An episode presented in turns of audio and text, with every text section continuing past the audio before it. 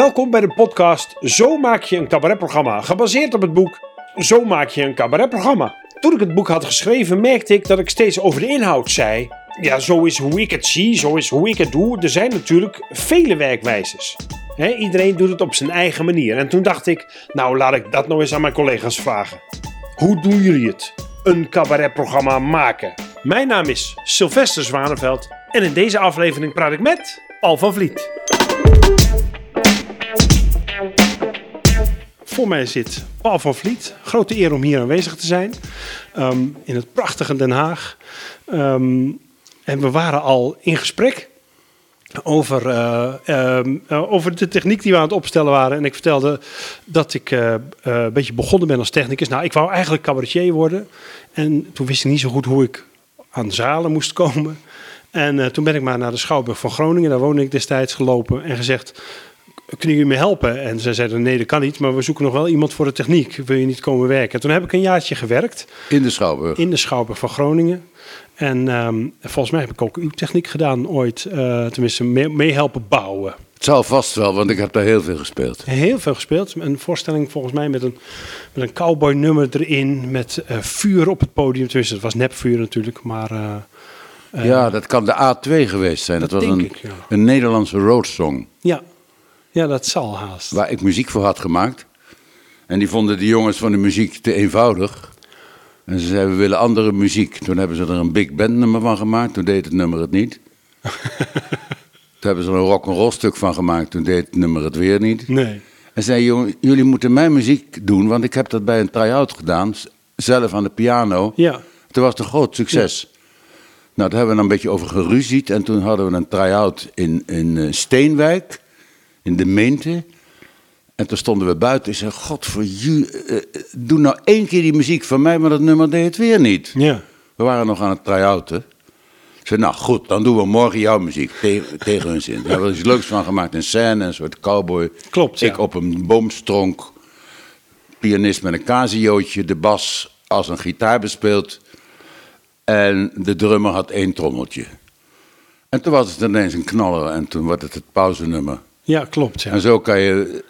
Ik heb het bijna nooit gehad hoor, met, met eh, de componisten. We waren er bijna altijd meteen eens, omdat ik eh, goed aan de componist uit kan leggen wat voor muziek ik in mijn hoofd heb. Ik kan goed. En dan zit ik ernaast en dan beginnen ze te componeren. Ze, ja, dat is mooi, onthouden. En dan maak je eigenlijk samen de muziek die heel dicht bij, bij jezelf ligt. Ja, want dat, komt, want dat komt wel uit. Ik mag, laten we even zeggen, ik heb, ik heb al een paar keer u gezegd, maar je zei heel nadrukkelijk: wil je je zeggen? Dat ga ik mijn best voor doen. Ehm, maar die muziek, dat, dat hoort ook bij dat nummer, neem ik aan, toch? Dat, eh, Ja, het is een. Het, was het idee was dat je in, in Nederland geen roadsong kan schrijven. Ik zei, het kan best. Als je in de file zit, dan eh, ben je uren onderweg. En dan, Ja, precies. Zoals in Amerika, zo de, langs de highway. En the sun goes up and the sun goes down. Ja, Route 66. Route 66, al die dat soort nummers. We are on the road again. En zo'n song had ik willen maken. En ik zei, kan in Nederland ook. Ja. Het verhaal was eenvoudig. Een jongen die in de Bijlmer zat en wordt vrijgelaten. Hij mag naar huis en zijn liefje woont in Nieuwegein en hij komt er niet. Want hij zit Oh, ja, vast. nieuwe gein. Ja dat, ja, dat weet ik nog. En dat ging eigenlijk om al die namen in zo'n buurt. De Safierhorst en de, de, de Dissels, Disselsjeesdrift. Dat je daarin verdwaald raakt, toch? Ja, ja, ja, ja, ik heb ja. ook in het telefoonboek van Nieuwegein gekeken. Wat, Oh, wat voor grappig, ja. absurde namen ze in die nieuwbouwwijk hadden. Ja. En eh, een van die vrouwen woonde op dat adres wat ik in het nummer bezong. En die had allerlei mensen die dan in het weekend langs de huis kwamen. Moet je nagaan. Ja, Zou, ja, het- ja, dat ja, lied wordt- zou het echt zijn? Ze werd er gek van. Heeft mij ook eh, Oh, grappig, verzocht om dat nummer van het repertoire te halen. maar we drijven af gedaan, neem meteen. aan, toch? Nee. Ja, ja, we dwalen af, want je was aan het vertellen over Nee, je- nee, nee, je, nee, nee. je eigen carrière die mij ook interesseert. Ja, ja, dat klopt. Nee, maar zo ben ik begonnen. En, en daar, heb ik, daar heb ik jou voor het eerst ja, eh, eh, ontmoet, laat ik het zo zeggen. En eh, ik vond dat een, een prachtig nummer ook, omdat het heel eh, intiem werd. Het was, Ja, het was voor het eerst dat ik dacht van, oh, je kunt echt een andere wereld creëren. Ja, dat is zo. Ehm, Je kan ook in in het het grote carré en het circustheater kan je heel, dat kan je heel klein maken. ja. Dat Ja, is een dat leuk verhaal. ik. Ik had een, een, een, show geschreven en aan het eind had ik een verhaal ge- gezet.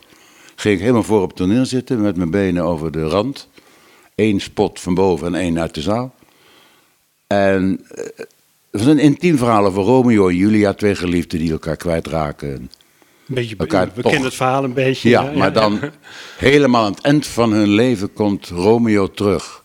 Want Julia heeft hem nooit meer gezien. Oh ja. Dan staat er een oude zwerver op de stoep. Nou ja, je, je voelt de romantiek komt aangedreuteld. Ja, ja, ja, ja. Dan doet ze hem open en zegt Romeo, kom binnen. En dan Romeo een zwerver, ruikt naar drank en naar de zee. En nou, dan ontmoeten ze elkaar weer na 60 jaar. En, en, en zeggen, laten we toch maar gaan, gaan rusten. En dan zingen ze het liedje, zing ik het liedje Samen liggen slapen lepeltjes gewijs. Wat is er mooier dan, dan als twee oude mensen hè, samen kunnen slapen lepeltjes gewijs. Dat, Ja, daar eindigt ja, het ja, daarmee. ja. En dat was een heel intiem verhaal. Toen zei iedereen, dat kan niet joh, je kan een show niet zo eindigen. Toen zei Bob van der Linden, die toen directeur van Carré was... Ja. Die zei, dat is mooi. Let eens op wat er in Carré gebeurt straks. En hij had gelijk. Want tegen de adviezen in van allerlei mensen om me heen... die zeiden, dat kan niet, je kan een show niet zo klein, intiem eindigen... was het heel erg mooi. En die hele die grote zaal van Carré en later Circus en, en het Luxe Theater... die werden, werden heel klein. En, Ja, Alsof je toch bij elkaar op schoot zit dan ja, bijna. Hè? ja, en dat is juist het, het, het, het mooie van- van een voorstelling. Als je dat aan het eind bereikt, die intimiteit... Ja, ja, nou, zeker. Eh, ik, ik eindig zelf ook voorstellingen wel eens klein. En dat Ja, is- mooi, hè? Ah, Dat vind ik prachtig, Ja. ja. Ja, zeker. Ehm, deze podcast gaat over het, het maakproces van, van de cabaretier. In dit geval van, van, van jou.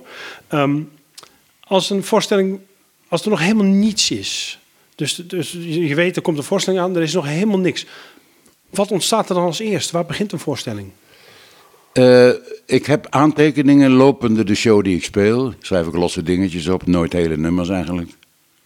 Van dingen die leuk zouden kunnen zijn of mooi of, of een goede gedachte of één regel. Maar dat gaat allemaal in, in, in papiertjes en bierviltjes en onderweg genoteerd en schriftjes. En dat is een, een zootje waar ik dan uit kan putten. Maar ik begin eigenlijk als ik klaar ben met een show pas echt te schrijven. Omdat dan de ballast van de show die je speelt...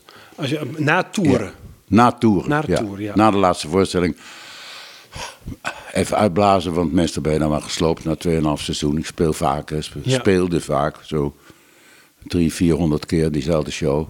Steeds In- veranderd in- wel. in 2,5 In 2,5 jaar Ja, ongeveer. En dan, eh, nou, dan ben je, heb je het wel gehad even. Dus dan Ja, neem ik een paar maanden vrij en trek me terug en begin letterlijk eh, op te komen. Ik ga meestal naar een, the- een leeg theater waar ik dan ben. Zeg, mag ik vanmiddag even hier een beetje klooien?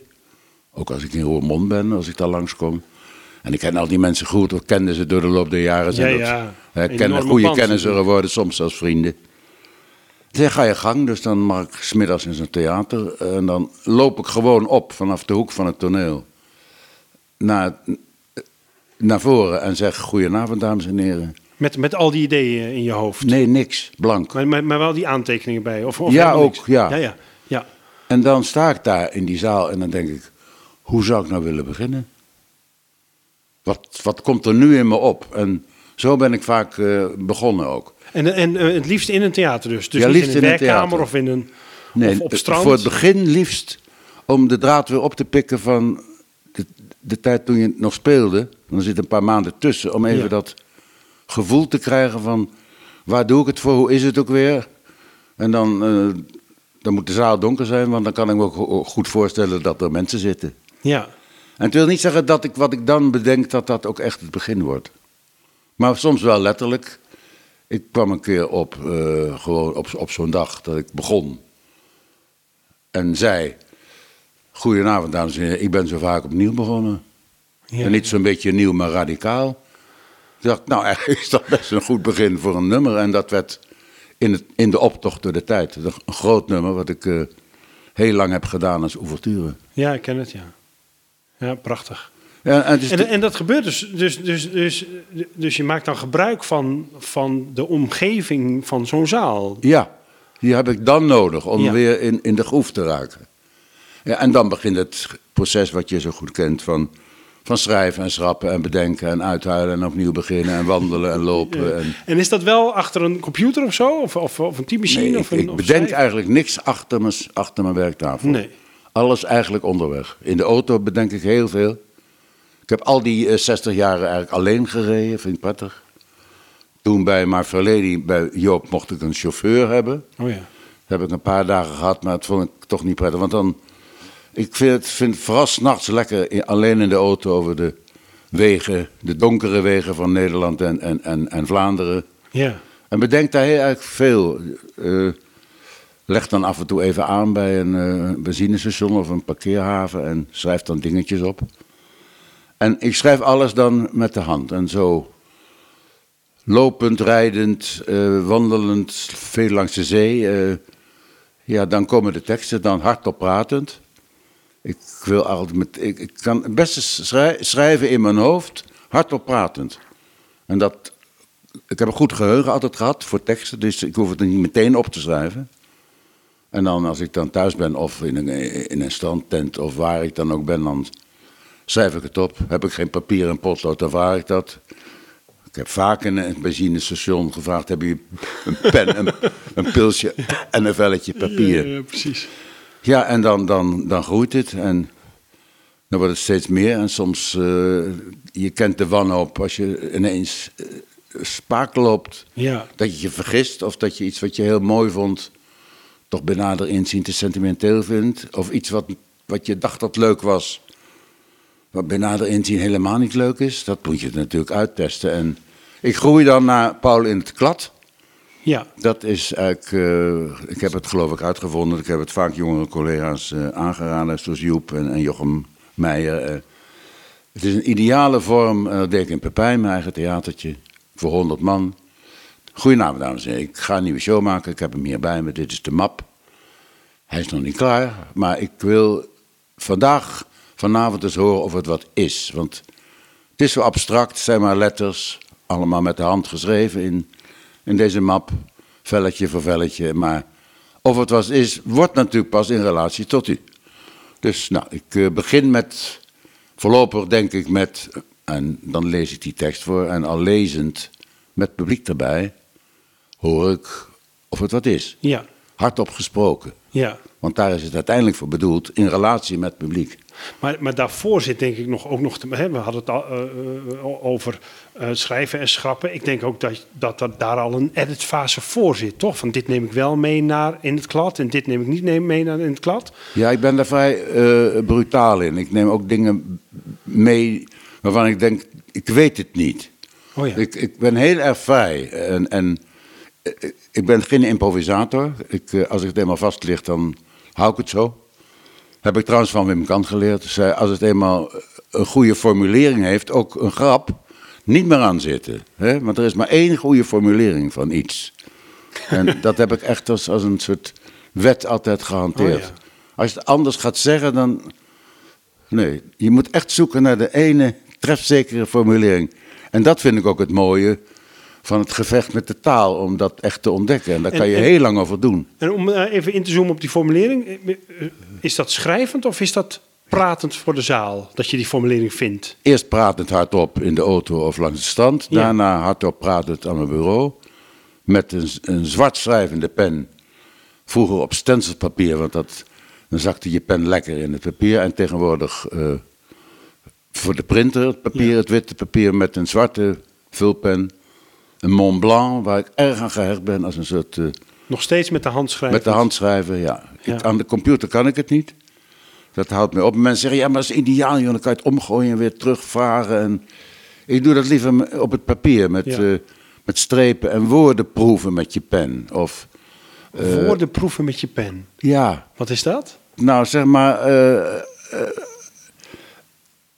als ik moet formuleren, het, het is vandaag maandag en de zon is er nog niet, het is grijs. Eh, dan wil ik dat voor me zien en proeven hoe dat voelt, ook geschreven.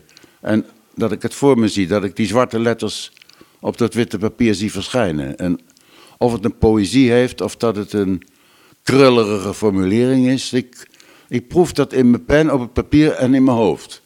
En als het, als het mooi is, dan ga ik ernstig kijken. En als het om te lachen is, dan krijg ik hier in mijn wangen iets van, van Spanning. gekriebel. Oh ja. En dan denk ik, het zou best eens leuk kunnen zijn. Oh ja. En dat is wat... En is dat ook altijd zo? Nee, je kan je ongelooflijk vergissen. Oh, ja, ja, ja. ja, Vooral met de humor. En wanneer Ik kom je daarachter? Pas op het podium? Of Ja, met, met die kladavonden. En dan hoor ik of iets leuk is. En als ze dan lachen. En soms lachen ze om dingen waar ik helemaal niet op gerekend had. En bij die kladavond durf ik ook te improviseren. Dan Oh, zeg ik, dit is niet leuk. Maar als ik het nou zo zeg, vinden we het dan wel leuk? Of heeft iemand een idee? Want je had altijd van die emmers erbij, toch? Van dit, dit, dit bewaren we en dit gooien we weg. En daar heb ik één keer een nummer van Oh ja, ja, ja, Ik heb klopt. een keer opruimen gehouden van oude grappen. Ja, klopt. Ja, Leuk? Ja, de ene ging dan bewaren, de andere was weg. ja, ja goeie- Ja. goed format was dat. Ja. En dan haal ik nog wel eens iets terug. Was dan wel voorbereid. Dan haal ik een grap die ik had afgekeurd uit die emmer van weggooien. En dan Ja. zei ik, ja, nee, maar als ik het nou zo zeg. en, dan was, en dan ging die in de goede emmer. Oh, wat grappig. Heel even tussendoor. Zit je goed? Want- Ja, ik zit goed. Oh, Ik ja, zit heel lekker voor- Ik voorover. dat je misschien wat meer achterover wilde Nee hoor, ik zit lekker voor. Oh, ja, heel goed. Ja, ja. Heel goed. Ehm, eh, eh, nou zei je, eh, ik, krullerige woorden of dat het, of dat het trefzeker is. Eh, ik kan me voorstellen dat een, dat een Paul van Vliet show aan een aantal eisen voldoet. Dat je van tevoren al weet van ik wil minimaal dat erin hebben en minimaal dat erin hebben. Ehm, wat, zijn die, eh, wat zijn die richtingen en eisen? Ehm, nou, de, de allerbelangrijkste eis is dat ik zelf een, een fijne avond wil hebben. Oh ja. Eh, dat ik mezelf bij het schrijven verras. Ik zeg, hé, dat heb ik nog niet eerder bedacht. Of dat ik blij ben met wat ik voor me zie op dat papier. En dat inspireert vaak ook weer tot nieuwe dingen. Het, jij kent waarschijnlijk de inspiratie die uitgaat van het schrijven. Bedoel je dat als je eenmaal gaat schrijven, dat je, Ja. dat je meer, tot meer materiaal komt? Ja, dat Het, het schrijven, als dat lekker gaat, dat ins- inspireert tot, eh, tot het werkelijk goed maken vaak. ja. De Ik, heb, ik, heb inspiratie ook altijd, die... ik, ik zeg altijd als ik met mensen werk van leg nou maar wat neer, want dan hebben we iets om over te praten. Ja, precies, Zoals ja. we, anders blijft het zo in het, in het luchtledige hangen en Ja. dan wordt het niks. Ik weet niet wie het zei laatst. Ja, een schrijver die zei: Je moet niet ophouden, je moet doorschrijven. Ja. En later, dat schrappen komt wel, maar haal jezelf niet uit de flow als het goed gaat. En ga niet meteen kritisch het voorgaande bekijken. Doe dat maar morgen. Hè. Hou het vast, want ik weet niet of je dat kent. Je hebt natuurlijk dagen dat, het, dat je lekker zit en dat het vanzelf komt, dat de woorden makkelijk komen. Ook de grappen, ook, hè, sommige dagen ben ik helemaal niet grappig. Ook Nee, ik niet ook op niet, hoor. papier. En dan, Ik noem het in mijn boek aanstaan of uitstaan. Oh, ja, Soms dan ja. sta ik aan en dan, en dan heb ik hele helderheid van geest. En dan, en dan, ja, dan kom- komt er van alles uit. En soms dan is het, is het wollig in mijn hoofd. En ja, dan kan ik het wel proberen, maar het heeft helemaal geen zin. Nee, nee, precies. En die kladavonden zijn voor mij essentieel. Paul klad, daar kom ik achter de waarheid. En dan ga ik naar huis, ga ik veranderen, ik neem het op, luister terug. Dat kan weg. Al, al, al lezend zeg ik ook, dat is niks jongens, dit houden we er niet in. En daar kan je dan weer grappen van maken van, nou, u bent de enige die dat ooit hoort. Dus eh, Ja, precies. unieke avond, onthoud die. Want als u terugkomt straks en de show is klaar, dan is dit, is, is, zit het dit er niet meer in. Hè? Nee. Nee. Nog even, heel even terug naar van, van waar moet een, een Paul van Vliet show Oh ja, voldoen. was- ja. Eh, eh, ehm, En verder heb ik wel een aantal wensen daarvoor. Ja, precies. Ik vind dat het van de diepste stilte moet gaan naar de, de uitbundigste lach. Dus, dus veel emoties. Ja, veel emoties. En ik heb daardoor eigenlijk altijd ook over mensen geschreven, niet, niet zo over de politiek. Ik Nee, heb de actualiteit niet gebruikt, behalve in die zin dat wat je, wat je meedeelt op het toneel. Ja, dan ben je een man van, van dat moment, dus deel je jezelf mee zoals je er op dat moment bij staat. En dat is een man van, zeg maar, eh, 1978. Als, en nu is het een man van, van 2021. Die is een andere dan van 78. Dus in die zin ben je ben je, eigen actualiteit Ja, natuurlijk. gesteld dat je bij de tijd bent gebleven. Ja, ja, ja. ja. En, en is er een reden dat, eh, dat, de actualiteit, dat, dat je de actualiteit mijdt? Ja, eigenlijk wel. Ik, ik ben er niet zo goed in. Nee. Ik ben niet een, een conferencier. Nee. Eh, de grappen komen bij mij eigenlijk, eigenlijk het makkelijkst via de komische types die ik heb gedaan. Ik ben geen stand-up comedian, helemaal niet. En eh, ehm, ik, eh, ik vind de, de afwisseling belangrijk. dat het een veelzijdig programma is. En, En, eh, en, da- en daarmee bedoel je de- de- dat er een typetje in zit en dat er Ja. een liedje in zit en dat er een conferentie in zit. En, Ja. Of, en verschillende schakeringen en emoties. ja, en ik, dat is, is, is ook altijd een, kenmerk geweest van de Van Vliet shows. Ja, het, natuurlijk. heel ik heb ook het gevoel dat, po- dat poëzie voor, voor, voor jou een belangrijk ding Ja. is. Want je teksten zijn altijd heel erg, hoe zeg je dat, melodisch bijna opgebouwd. eh, ja. Ehm, Ik schrijf, schrijf melodisch. Ja. Ik heb altijd een soort muziek in mijn hoofd als ik het schrijf. En het is, ja, het is soms poëtisch. Ja, eh, ze hebben me van alles opgeplakt. Clown en poëet, Pias en, eh, eh, ja, Pias en dromer. eh, dus eh, daartussen zit het wel een beetje. Er zit altijd wel een melancholieke ondertoon die ik zelf niet toepas. Maar die glijdt er vaak in omdat ik dat heb. Ik heb gewoon een wat, wat zoals veel, veel van de optreders trouwens, toch ook een andere, wat donkere kant hebben. ja. En die kan je heel goed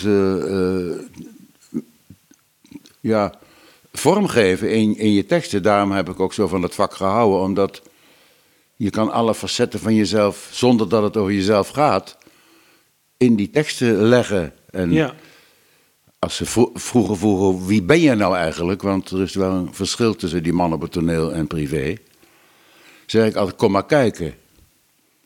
En dat is Want, natuurlijk maar de man, eens- want de man op toneel gaf Ja, beter weer ja. wie je was dan de man in privé. Ja, vaak wel. Mensen, ook mijn, direct, zelfs mijn, mijn, de vrouwen die ik heb gehad, hebben me dat gevraagd. Maar wat je dan zegt en zingt op het toneel, eh, ik zie daar niet alles van terug in ons privéleven. Waar zit dat dan? Oh ja.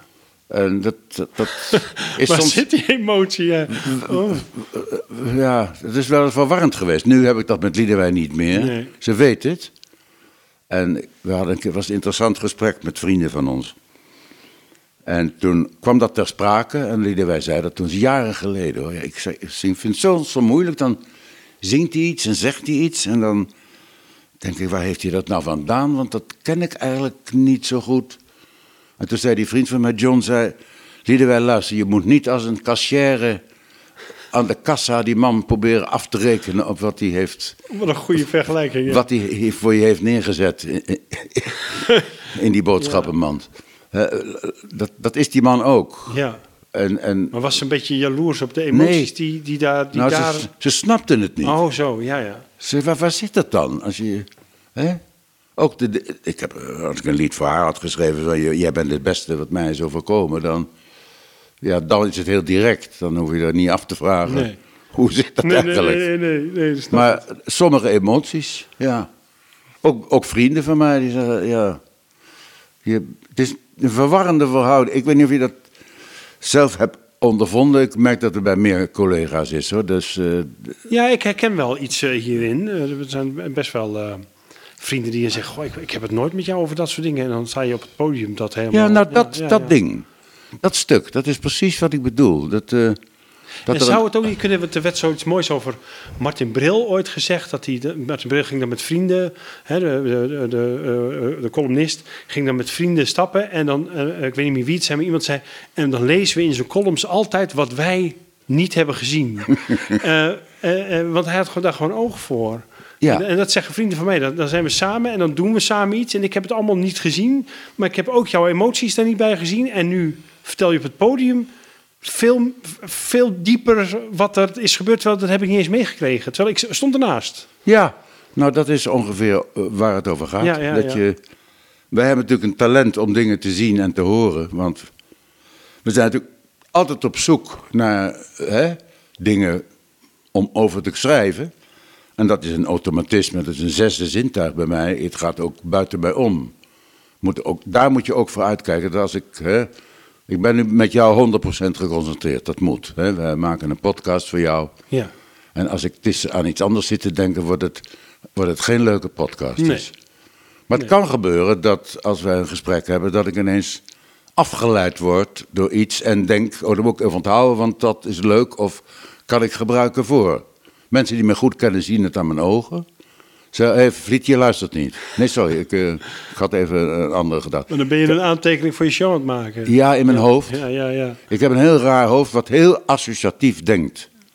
Wat, het een tikt het ander aan en dat gaat Ja, soms dat heel snel. cabaret- Cabaretier eigen zijn, Ja. toch? Ja. En dat is voor, ook privé is dat vaak moeilijk te volgen. Waar we, dan kom ik ineens op regels of, of dingen of associaties die helemaal niks te maken hebben met waar we het over hadden. En dan moet ik weer terug naar de hoofdweg en niet in mijn eentje die zijweg bewandelen, want dan, dan raak je het contact met je, met je Ja. omgeving kwijt. ja, ja, ja, klopt. Ja. Ik ben wel vaak eh, ook eh, de, de vrienden dat, die dan zeiden van ja, dan zit je weer aantekeningen te maken. Blijf maar even, Ja, blijf ja. even hier. Maar eh, ja, dat is toch sterker dan, dan, dan mezelf. Ja. Blijf nou even hier. Ja. Dat. Mensen die je goed kennen zien dat, Ja, hè? klopt, anderen niet. Nee. Want je hebt waarschijnlijk net als ik een fantastisch systeem ontwikkeld dat door mensen glas, glashard aan te kijken, zij de illusie hebben dat je 100% naar ze luistert en dat je intussen toch nog iets aan het verzinnen bent. Want dat, ja, dat verzinnen, dat is natuurlijk eh, vanaf dat ik heel klein was, is dat begonnen. Bij jou waarschijnlijk ook. Zeker. Op een gegeven moment ben je drie, vier en dan ga je dingetjes verzinnen in de huiselijke kring. Ik deed, eh, eh, ik deed Hitler na. Oh ja. Die kende ik van de redenvoeringen in de oorlog. Ik ben een oorlogskind. Ik was vier toen de oorlog begon. Ja. En hoewel mijn vader natuurlijk een felle anti-fascist was en anti-nazi... luisterden we toch thuis wel af en toe naar die redenvoering... om te horen ook hoe erg. Dus ik kende die man van klank. Deed hem thuis na. En ja, dat werd een soort Fonetisch waarschijnlijk. fonetisch, een Ja. soort act. En daar moesten ze om lachen. En dan krijg je het volgende, dat dan wordt er om gelachen en dan denk je, hé, dat is leuk als kind. Doe je het nog een keer. Wordt er ook nog wel gelachen, maar minder. En bij de derde keer eh, gaan ze zuchten. En bij de vierde keer Hitler, denk ik, in godsnaam, Paul, hou daar nou mee op. En dat begrijp je dan als kind niet, want het was toch leuk? Ja, hè? ja. Maar ik, ik, ik vertel dit omdat ik vanaf dat moment di- dingen ben gaan verzinnen. En, en, en rare liedjes schreef. En, eh, ik zat in de hongerwinter in Friesland. Ik kwam laatst iemand tegen die zei... je hebt nog opgetreden in de, in de schuur van boer Wiebinga. Voor ons, voor de kinderen van Garijp. Het dorpje waar ik in de hongerwinter was ondergebracht. Ik weet er niets meer van. Ja, we hadden een, een toneel gemaakt van groentekisten. En jij trad voor ons op in het Fries. Zei, Wat deed ik dan? Ja, dat wisten ze natuurlijk niet meer. Maar dat, toen was ik negen, dus heb ik toch al een kindervoorstelling gegeven. En dat ging door op school. Ja. En in dienst was ik wel zijn zorgofficier. Heb ik eh, revues geschreven voor de troepen. Leidstudentencabaret. En zo ben ik altijd blijven verzinnen mijn leven lang. En dat is een... eh, ja, als ik, als ik niet meer kan verzinnen, denk ik dat ik ook wel zal verschrompelen. En, en ik moet Ja, iets hebben om te verzinnen. Die, die, volgens mij is die brug al wel beslecht, toch? Ja. u heeft een zeer respectabele leeftijd bereikt. U heeft tot, tot vorig jaar nog gespeeld, geloof Ja, ik, toch? tot een jaar geleden, ja. Ja, ja. en dat- was de leeftijd, op de leeftijd van 84. 84. Ja. Dan moet er toch iets. Dan moet er toch. Hè, vroeger zeiden ze altijd: wat zit er in het water dan? Maar er, moet- er moet dan, dan toch iets in dit vak zitten dat dat. Wat maakt dat vak nou zo mooi dat je dat Ja. tot je 84ste blijft doen? Nou, ik heb in ieder geval het geluk dat mijn stem op orde is gebleven. Ja. Bijvoorbeeld eh, Toon Heijmans kreeg last van zijn stem eh, toen hij eh, oud was. Moest dan vaak van het toneel af om even te kuchen Ja, en maar te zijn schrapen. En, conditie en zo, toch? Ik heb hem ook wel zuurstof zien hebben. ja, hij had moeite met, met de, de adem en, en, en, en, en heesheid. En ja, dat is die instrument. Als dat niet meer werkt...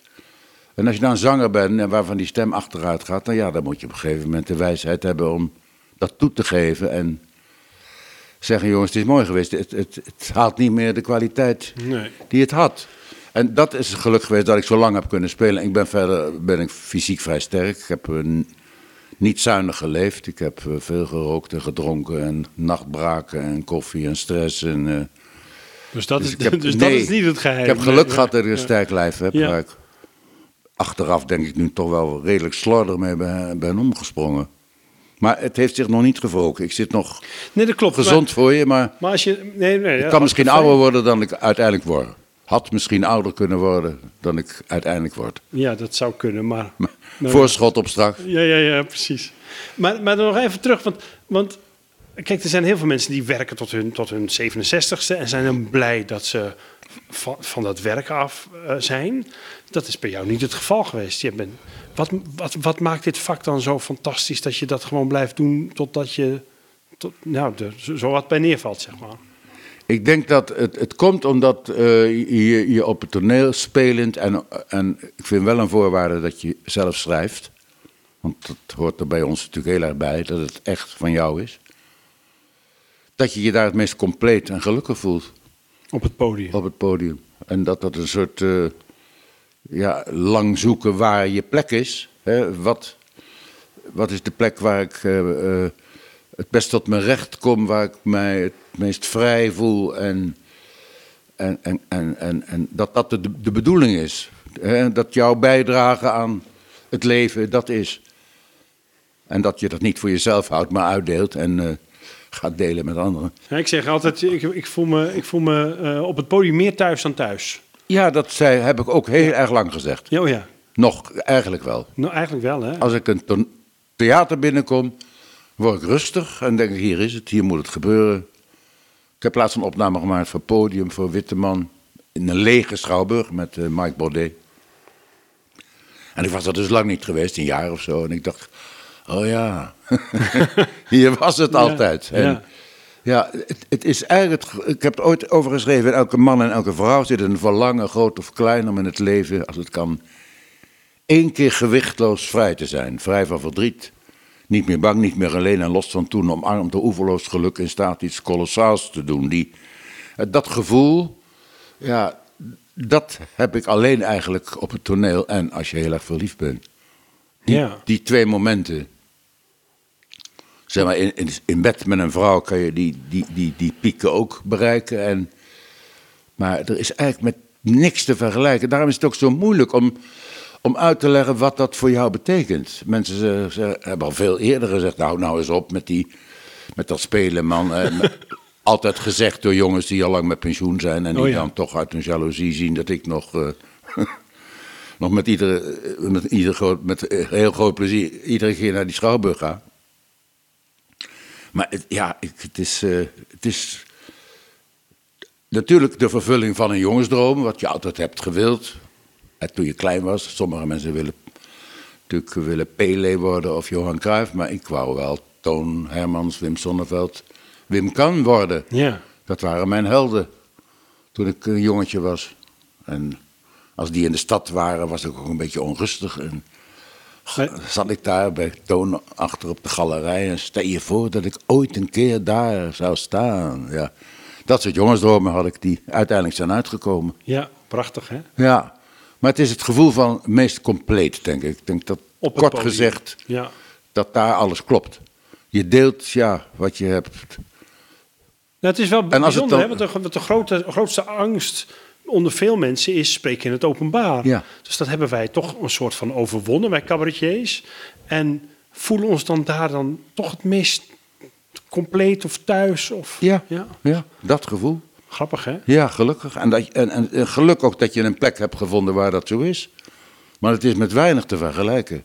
Nee, Dat- ja, ik zou, nee, d- volgens mij is Ik denk dat misschien eh, eh, mensen die in een ziekenhuis werken, chirurgen of zo, dat gevoel kennen.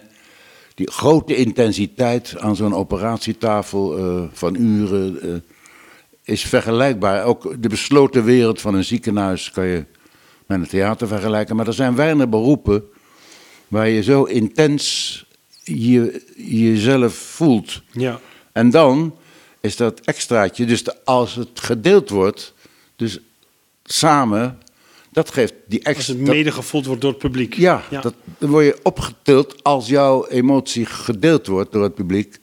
Ja, dan is de cirkel rond. En dan, dat zijn momenten, vind ik toch wel van, van geluk. Het is echt een soort samenhorigheid met die ja. zaal dan. Hè? ja, dat is ook de bedoeling, vind ik. Ja. Want je vroeg waar moet een show aan voldoen er straks. Dat je na een tijdje die, die saamhorigheid creëert.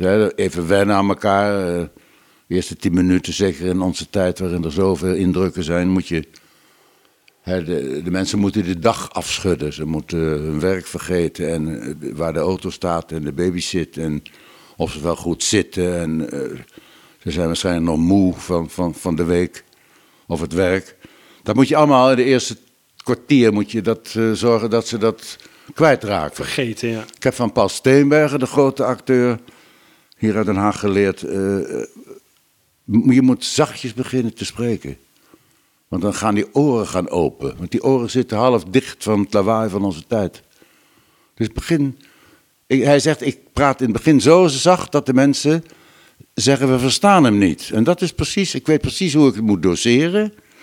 Want ze verstaan me wel, maar nog niet. Dat duurt vijf à zeven minuten. En dan, dan gaan die oren gaan open en dan verstaan ze me wel. Heb je, heb je daar veel gebruik van gemaakt? Ik heb, ja, ik begon vroeger, heb ik moeten leren. Ik begon vroeger te hadden met een beetje red, red en met tek, eh ouvertures. eh. Maar nu begin ik vaak heel klein. Ja. Dus klein beginnen en klein eindigen. ja, dat is vaak mooi. Ja, toch? Ja. Ja. Ja. En als het dan, en daarna nog, graag wil ik nog even eh, een mooi lied zingen, omdat nog iets, iets, ja, iets kwijt te raken nog in, in, in het slot. Slot is natuurlijk, je vroeg naar de show, de opbouw en hoe. eh, eh, als je een goed slot hebt, de laatste 20 minuten, dat speelt heel anders dan wanneer dat nog niet goed is. ja, want dan heb je iets om naartoe te werken. Ja, je weet, straks krijg ik dat nog. Ja, Ja. ja dit is allemaal een, Ja. een, een voorbode. Een voorbode, voor. ja. Ja, ja, ja, prachtig. Toon zei wel eens tegen mij, dat is er één voor kwart voor elf. Toen duurde zijn show nog tot kwart over elf. Maar dat moet je bewaren. Dat moet je Oh, niet ja. voor de pauze. Dat is, dat is er één voor kwart voor elf. Een- een Vakterm, hè? nummer. Ja, ja, ja, ja. Een nummer, Ja, ja. Nee, nou nog niet. Zo, zonde. Ze moeten helemaal warm zijn en gekneed naar jou. Dat is ons ook wel eens verteld door een collega. Wij speelden een voorstelling en we deden een scène voor de pauze. Ja. En toen kwam een collega naar ons toe en die zei: Die moet na de pauze. Dat is zo'n mooi nummer. Die moet, die moet erna, want dat, Ja, is, je- dat ja. is je laatste cadeautje wat je moet geven. Of, Exact, dat, Ja. dat is het, ja. Grappig, ja het laatste cadeautje, ja. maar, je, maar dat moet je wel leren, want Ja. hadden dat destijds helemaal niet in de gaten. Nee, We dachten, ik ook dat niet. ook een nummer. nee. Wist ik veel. Ja, dat moet je, de, opbouw van een show, ja, dat is ook een vak. Dat moet je ook leren. Ja. Ja, hoe, hoe schrijf je dat in elkaar? eh? Een show wordt nooit in einem Guss geschreven. Hè? Van begin tot het eind. Dat- Nee. Toneelstukken denk ik ook niet. Het wordt ook brokkelig geschreven. En is daar een formule voor hoe je iets opbouwt? Of is dat gevoel? Is- gevoel, Ja. puur gevoel. En, en, en eh, ook try-out. Klad, kladvoorstellingen voelen. Dit is te vroeg of het komt te laat. Of dit moet niet voor de pauze, maar eh, daarna. En dit is, je moet met, oude circuswet is dat, dat een, de demi-finale, dus het, het pauzenummer, want wij hadden nog pauzes. Cabaretiers tegenwoordig hebben geen pauzes meer. Ja, wij, wij hebben het ook nog lang gedaan, omdat we, het, omdat we de pauze ook gebruikten om scènes in elkaar te zetten. Nog en zo. Maar ja, Ja. klopt ja.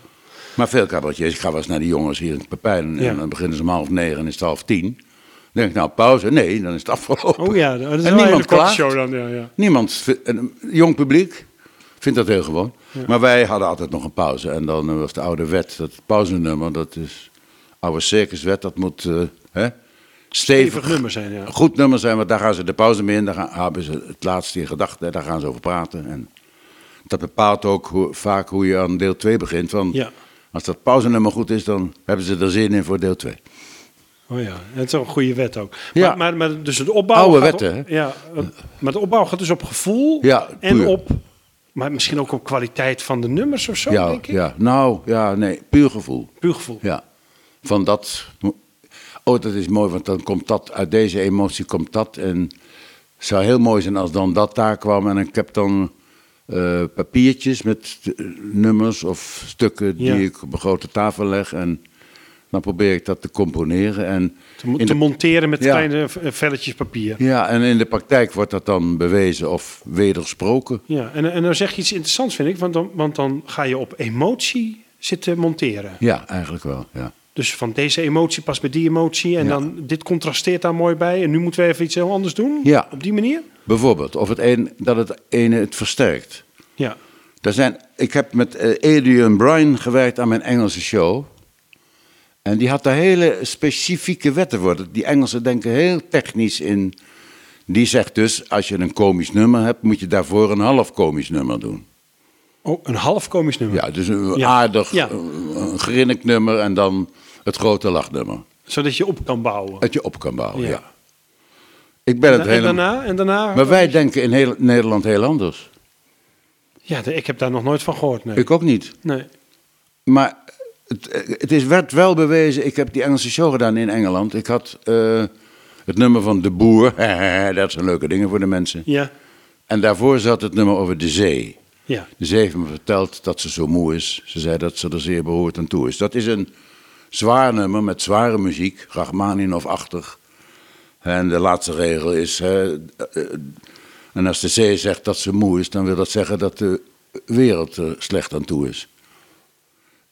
Nou, dus, the world is slowly dying, was het in het Engels.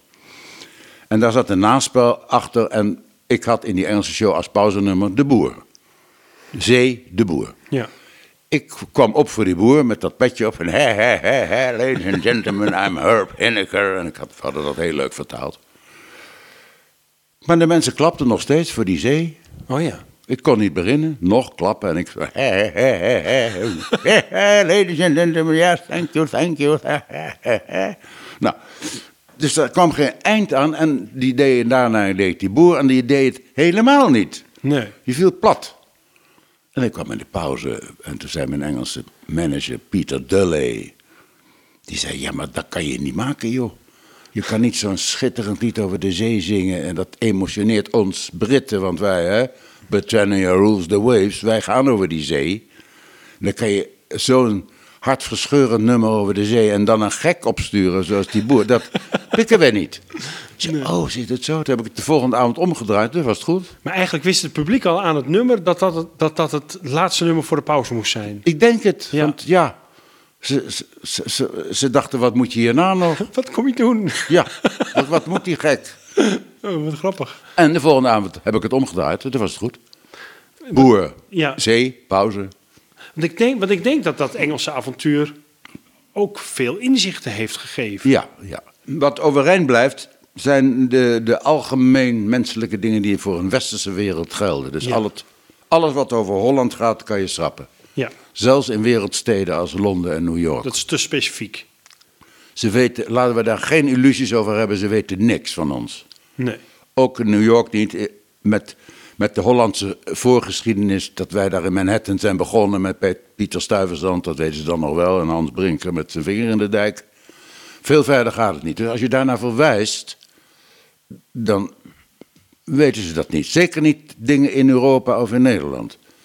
Dus alles wat over Nederland gaat of ging, heb ik er meteen uitgegooid Ja. de volgende avond, omdat het, eh, het viel plat. Ik, hoeveel voorstellingen heb je gespeeld in Engeland? Eh, nou, alles bij elkaar, ik denk een stuk of twintig, maar Oh ja. uiteindelijk een hele week die goed ging. Ja. Omdat ik toen door schade en schande geleerd. Want ik heb gezegd, doe het nog één keer. Toen heb ik het overal op de wereld uitgeprobeerd, tot in de vreemdste oorden in het Midden-Oosten. Voor heel lastig publiek, voor Omani en in Qatar. ja. Ja, eh, maar zelfs daar ging het goed. En toen waren we klaar voor Londen. En, Dus, in- dus in Londen. En, en waar stond je in Londen? in de Shell Theatre. Oh ja. Aan de Theems, dat is een theater van de Shell. Had Oh ik ja. gekregen voor Ja. een week. Met een ontzettend En het, gesteund. ging, en het ging eigenlijk heel goed. Want ik, heb- want ik heb Ja. Nou, ik wou dat eigenlijk bewaren voor een ander moment. Maar eh, eh, ik, ik heb uw boek gelezen, eh, Brief aan God. Waar ook een stuk staat. Een brief aan de... Aan de, ja, Piet, de- ja, ja, ja, meneer. Adams van London. Management. Ja. ja, het Engelse management. Ja. Eh, want want het, is, het is enigszins gelukt, maar ook niet helemaal gelukt, toch? Dat Het is avontuur. artistiek gelukt en, en qua reactie. En het is niet gelukt qua ontdekking. Ik eh, heb dat allemaal zelf moeten betalen. Ja. En ik heb nooit iemand gevonden die zei van Vliet, kom maar hier. Want ook dat, dat met die Engelse manager Pieter Dulle, die zei kom maar naar Londen. Maar moet wel zelf betalen. We kwamen met z'n tienen, met een vrachtwagen en alle spullen en eh, hotels en de publiciteit moest ik ook nog zelf doen. Het zat vol, dat was een wonder. Zeven dagen lang. En de Britten vonden het goed en ik heb er ook de bewijzen van dat de Nederlandse pers die erover schreef, want die zijn altijd heel kritisch. die zei Britten enthousiast over Paul van Vliet. Het was echt zo. Maar het werd te duur en toen heb ik het gestopt. Dus de, de reden dat ik gestopt ben was eigenlijk geld. Ja. En uiteindelijk is het eh, programma heel goed en ook echt internationaal kon het de toets van de kritiek doorstaan. Na heel veel spelen en heel veel veranderen met ook Engelse en Amerikaanse tekstschrijvers die de, ja, ook nog aanpunten en precies de dingen eruit haalden die een beetje rammelden. Ik heb heel erg op mijn Engels gewerkt. En dus uiteindelijk was het een hele goede show die ik nog één keer heb gedaan en dat is wel leuk om te vertellen voor UNICEF. Oh ja. Eh, Nederland was gastheer van alle vertegenwoordigers van UNICEF over de hele wereld. En die kwamen naar Apeldoorn, in Orpheus. Hè? En dat was dus een heel gemêleerd publiek van internationale kan je je niet voorstellen. En daar heb ik die Engelse show nog één keer gedaan. Ja. En die mensen waren dol enthousiast. En ze zeiden, waarom kennen we jou niet, joh? Dit is internationaal, dit moet de wereld over. En, maar ja, toen was ik er al mee gestopt en ik heb het laten lopen verder. ja. Spijt van? Nee, eigenlijk niet. Want het is een prachtig avontuur geweest. Ik heb er 13 jaar heel veel door gezien en mee gereisd. En hele leuke dingen meegemaakt, veel van geleerd. Ook, eh, wat ook in, in die brief aan, aan eh, meneer Adams staat, een enorme afgang in, in, in Amerika een keer. Ja, dat hoort erbij, toch ook? Ja, dat we met moet het 600 man begonnen en eindigden met 50. Ja. Die allemaal de zaal uitliepen. Come on, this man is not funny. Ja, dat, maar dat overkomt elke, elke cabaretier een keer, toch? Ik had het nog nooit meegemaakt. Dit was voor mij een, een schok. Wat gebeurt er hier? Mensen Ja. gaan de zaal uit. Wat- Ja. ja. Maar het was een prachtig avontuur. En ik heb geen spijt dat ik ermee gestopt ben. Nee.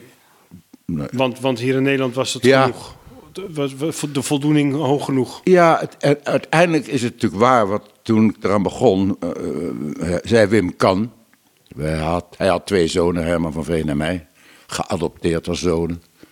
Hij schreef dan ook brieven. eh, lieve zoon, je vader laat je weten. En dan gaf hij commentaar op ons Oh ja. werk en wat we, hoe we leefden. En toen Herman in Duitsland begon en ik met die Engelse show, kregen we ook allebei een brief dat we dat niet moesten doen. Want Oh. hij schreef ook waarom is eh, Hamburg of eh, New York leuker dan Haarlem en Breda. Ja, ja. En daar heeft hij een zekere zin gelijk in.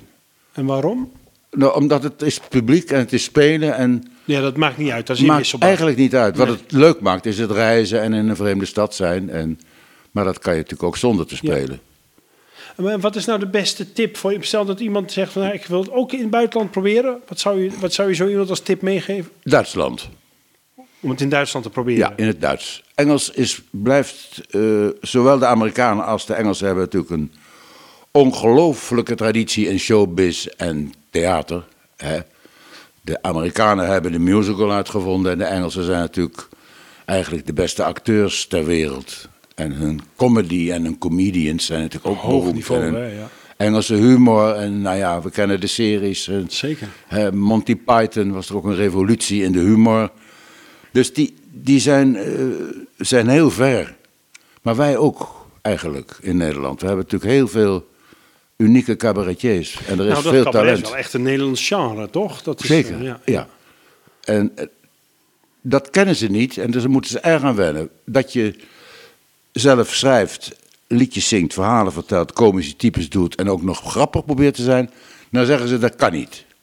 We doen één ding, Van Vliet. We zingen, of we doen grappen, of we, eh, we dansen, of we vertellen verhalen. Maar alles wat zoals wij en, en ik dat doe, dat je alles tegelijk doet, dat, dat snappen ze niet. Nee, nee. Je specialiseert je, je gaat je niet als een veelzijdige chameleon op het toneel En in vertonen. Amerika is het zelfs zo dat de meeste comedians één set bouwen en daar hun hele leven mee doen. Hè? Dus ze staan En ook helemaal... Precies, en vaak zelfs hun hele leven met dezelfde grap. Ja, ja, exact. Ja. Ja. Ja.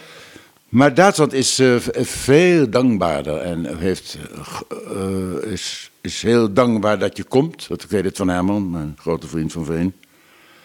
Die heeft daar een prachtige carrière gemaakt, omdat ze vinden het prachtig dat je komt. Ze, taal is verwant, het Duits is uiteindelijk voor ons makkelijker te vertalen ook, de Nederlandse teksten.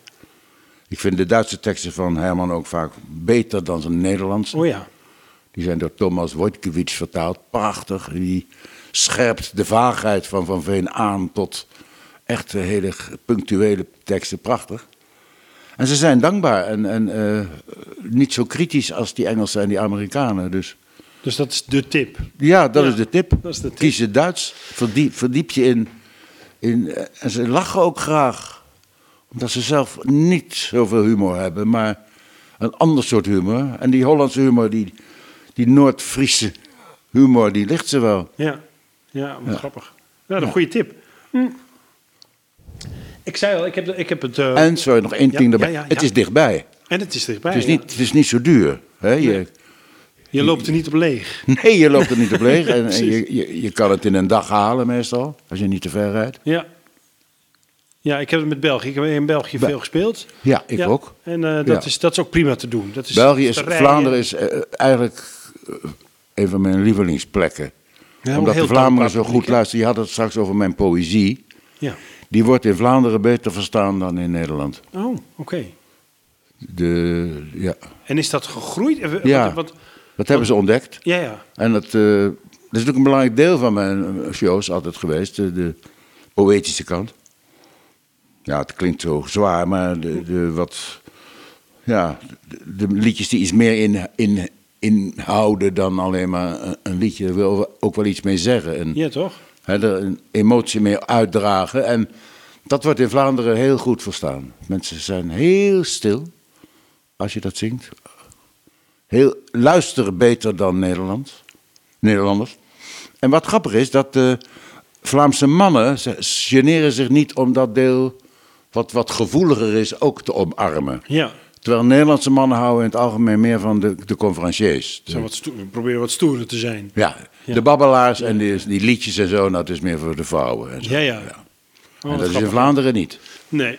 Nou, voor mij geldt dat ook niet helemaal. Ik, eh, nee, want eh, je maakt een prachtig bruggetje naar, de, naar waar ik nog naartoe wilde. Ik, ik vertelde dat ik heb dat boek gelezen, wat, wat eigenlijk bijna een show is. Ik vond het zo een, een Paul van Vliet show bijna. Hmm. Oh ja, ja, dat is kunnen, ja. bijna conf, conferenceachtig opgebouwd. Ehm, waar je ook dat, de, de- die lyrische, poëtische teksten terugziet, hoewel het proza is.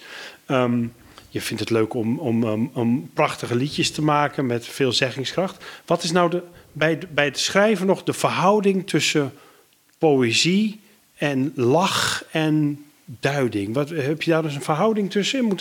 Hoe, hoe ver is de lach belangrijk? Hoe ver is de poëzie belangrijk? Ik denk dat de poëzie belangrijker is geworden naarmate ik ouder werd. En dat ik daar iets gevoeliger ben in geworden. En ook iets dieper ben gaan graven, omdat je hebt meer meegemaakt. En alleen maar optreden is op een gegeven moment niet meer genoeg voor je. Je wil ook wel iets te zeggen hebben. En dat zit vaak in de liedjes. Maar ik zou nooit zonder het lachen kunnen.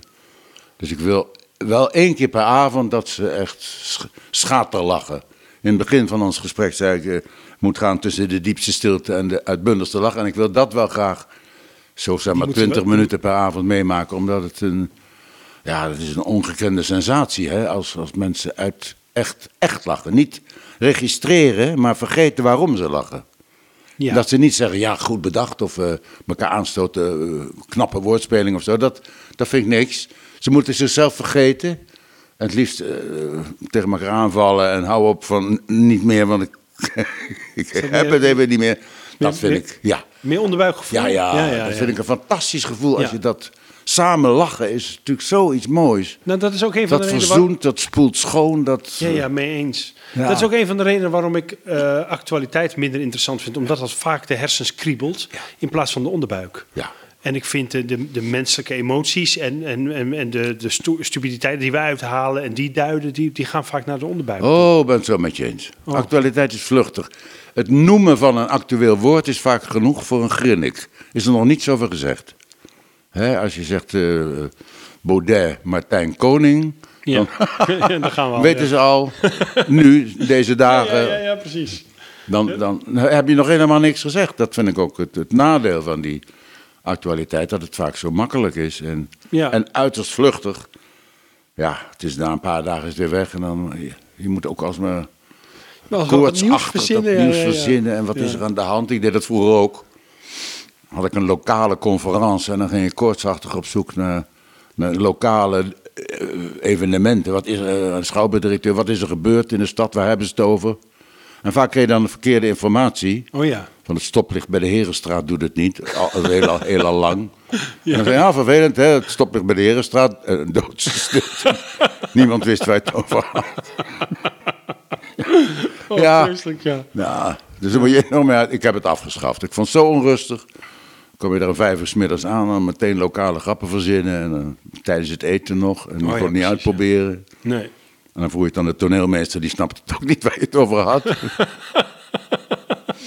Oh, wat grappig, ja. ja. Ehm, de Paul van Vliet Academie wou ik nog even te Oh ja. brengen. Ja, tragedie. een tragedie nu op Nu, moment. ja, het is heel moeilijk, moment, ja, ja. Maar, ehm, eh, en, en, en waarom is het nu zo moeilijk? Vanwege, de, Vanwege het corona, geld. ja. We krijgen geen subsidie. Nee. En eh, we hebben een heel leuk pand in Scheveningen, wat echt ideaal is voor zo'n academie. Het zijn leuke docenten, het is een leuk lesprogramma. Ehm, maar het wordt niet gesteund en dan blijkt toch dat zo'n instituut eh, eigenlijk niet zonder gemeente of rijk kan. Nee. En, Tot nu toe en kon het deze wel om- Deze tijd maakt het nog En moeilijker, deze toch? tijd maakt Ja. het helemaal onmogelijk. Er is geen les en er komt dus niks nieuws bij. Mensen Nee. melden zich ook niet aan. Nee. Het is jammer, het is een leuke opleiding. Niet dat ik er zelf veel aan doe. Het is eigenlijk mijn naam.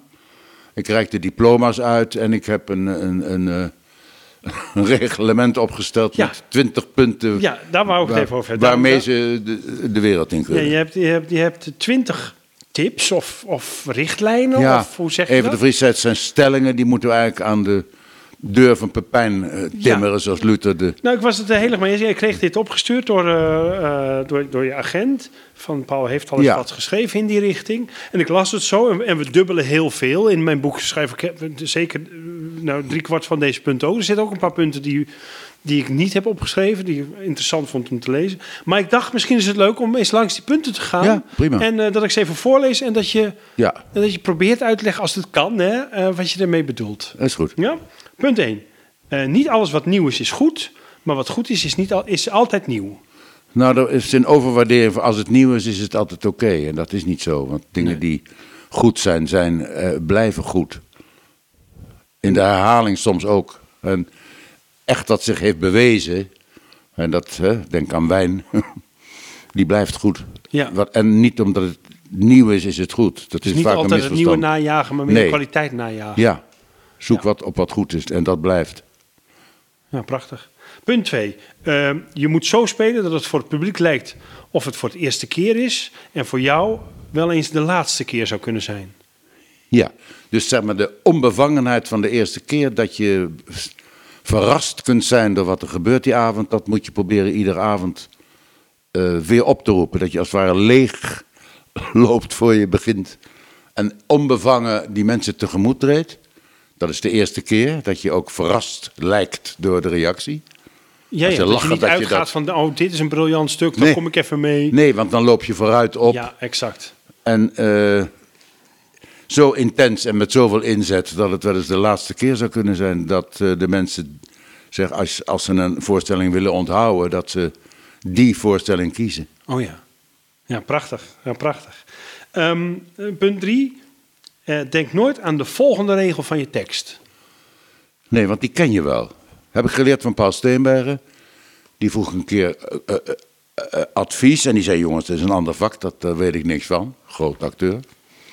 Maar kan je maar een paar tips geven? Nooit aan de volgende regel denken. Ik zei: Hoe bedoelt u dat?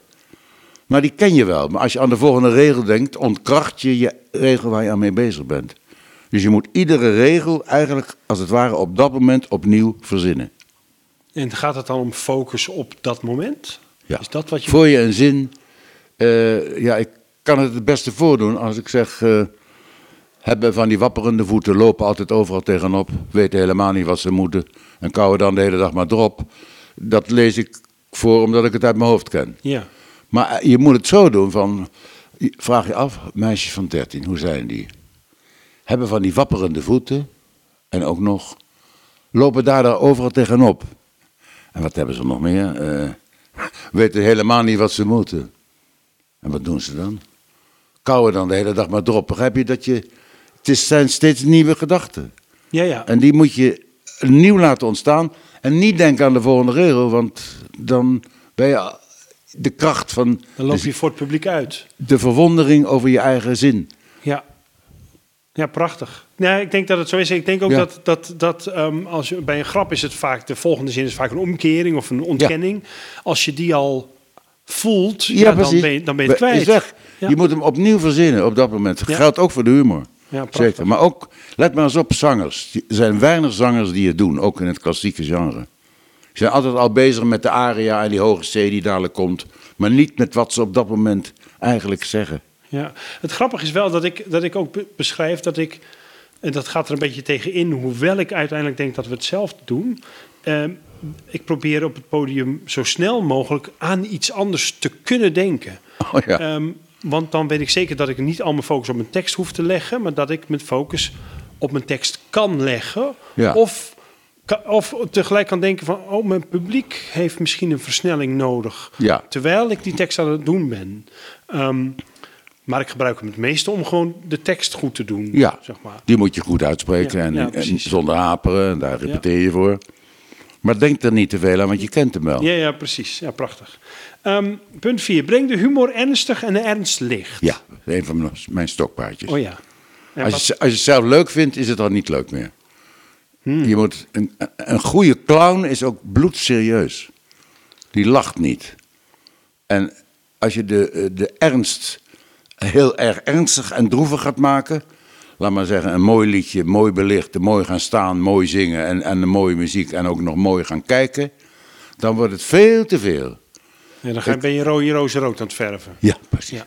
Het mooiste voorbeeld vind ik Jacques Brel, die zingt Nemekitepa. Dat zingt hij bijna verontschuldigend. Je kent de versies van Nemekitepa, en dat mensen helemaal eh, uit zichzelf treden van... Heer God, dan verlaat mij niet. Ja, ja, ja. Maar Brel zong het Nemekitepa. Heel klein, eh, verlegen bijna. Zo mooi. Heel erg Angstig zelfs, vond ik zo Ja. af en toe. Van, oh, oh, ja. Daardoor werd het zo beklemmend. ja. eh, Dat je in jezelf voelt, ga je, oh, in godsnaam, laat die jongen niet alleen. eh, blijf, blijf. Hè? En als je gaat lachen om je eigen grappen.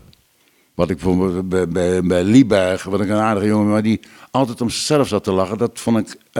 ik heb toch wel eens tegen hem gezegd: lach nou niet zoveel om jezelf. Nee. Toon Hermans op zijn allermooist was als die ernstig keek en bloedserieus zo'n redenvoering met zo'n spreker. Met, eh, of, of die ornitholoog met die, eh, waar die, die vogelgeluiden nadoet. Ja, ja. Dat doet hij met een diepe ernst. Hè? Helemaal voorbereid, alsof iets geweldigs gaat gebeuren. Kroet. En, eh, maar serieus, hij lacht niet. Nee. Nee, dat klopt. Hij, la- en terwijl hij, be- hij heeft de soms doet, deed hij het wel eens. En dan dacht ik, eh, Toon, doe het niet. Blijf ernstig kijken, want het is zo ontzettend mooi. En dat zeg ik ook tegen die leerlingen van die eh, eh, van Vliet Academie vaak. Maak het niet te leuk. ik heb Oh ja. zelf ook Maak het niet te aan leuk. opnames gehoord. Daar had ik een slok op in de pauze. En dan hoorde ik een opname en dan dacht ik, je vindt het veel te leuk zelf, joh. Oh ja. Hou het nou serieus. Ook zo'n type zoals major Kees. Moet je heel serieus, dat is een domme man. Terwijl een, de laatste komische man die ik deed, Charles van Tetterlo, die had, had veel meer humor. Die had, hè, was een beetje een gezellige, bekakte man. Maar die, die had wel, ook wel pret om wat hij zei. Ja.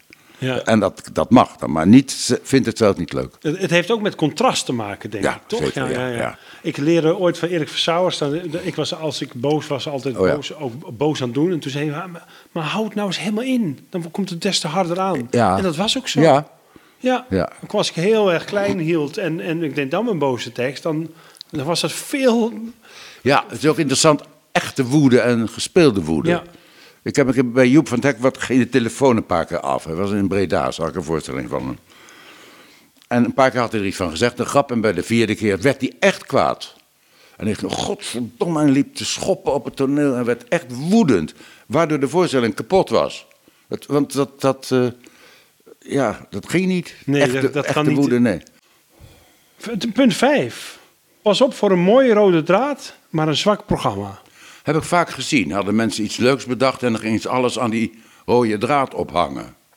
Ik heb het zelf ook wel eens gedaan en dan bleek dat die rode draad prachtig was. Maar dat door die rode draad ook de goede nummers aan kracht verloren, omdat het geforceerd overkwam. Oh ja.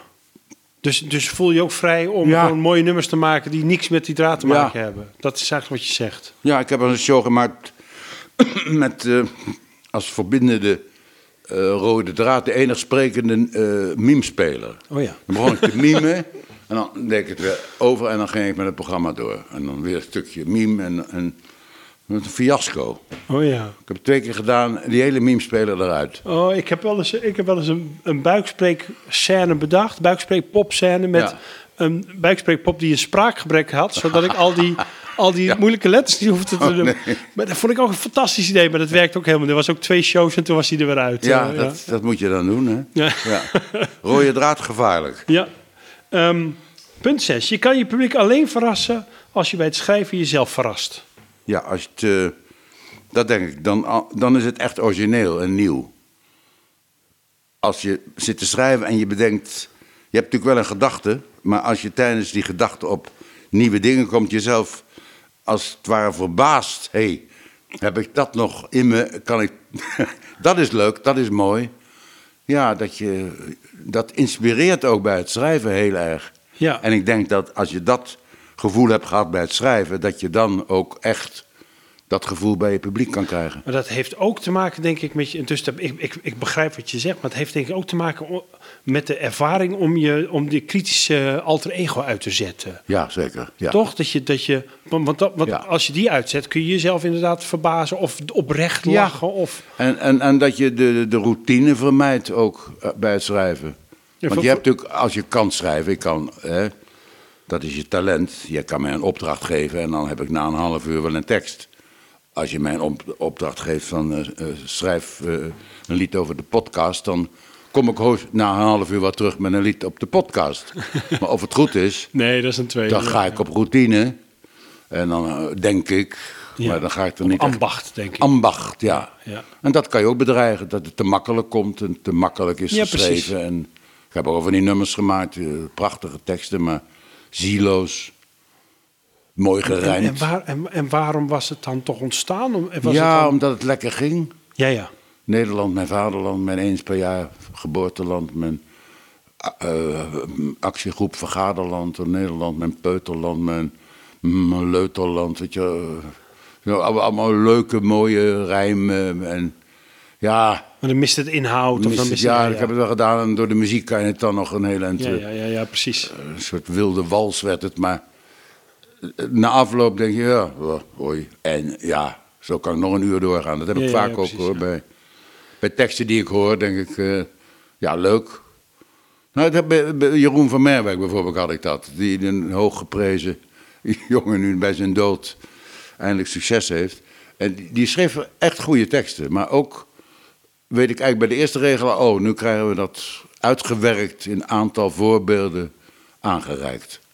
Er zat een soort formule onder. Ja, een soort formule. Ja. ja. ja. Nou, hij schrijft ook één liedje per dag. Dat kan natuurlijk nooit. Dus hè, het kan nooit goed zijn. Nee, dat, dan moet er ook een vorm van ambacht bij, de- bij, eh, ja, bij komen kijken. Ik bel het Toon een keer op. Hij komt steeds ter sprake, dat is grappig. Zei, waar ben je mee bezig? Zei, nou, Toon, zei, ik heb eh, een paar nieuwe liedjes geschreven. Horen? Ja, graag nou aan de telefoon. Hè. Dacht hij het voor hoor je Rietje uit de keuken. Toon, dat hebben we al een paar keer eerder gehoord. ja, ja, stil nou maar. maar. Ja, maar waarschijnlijk had ze gelijk, Maar toch? die, die schreef, schreef ook heel makkelijk. Hè. Oh, ja, die ja, precies, eh, ja. rammelde het eruit. Maar- En de echte goede dingen bleven natuurlijk voor de show. En hij noemde het zelf ook altijd rijmpjes, Rijmpjes, toch? ja. ja, Ik, ik, ik, met de uitgever correspondeer ik in rijm.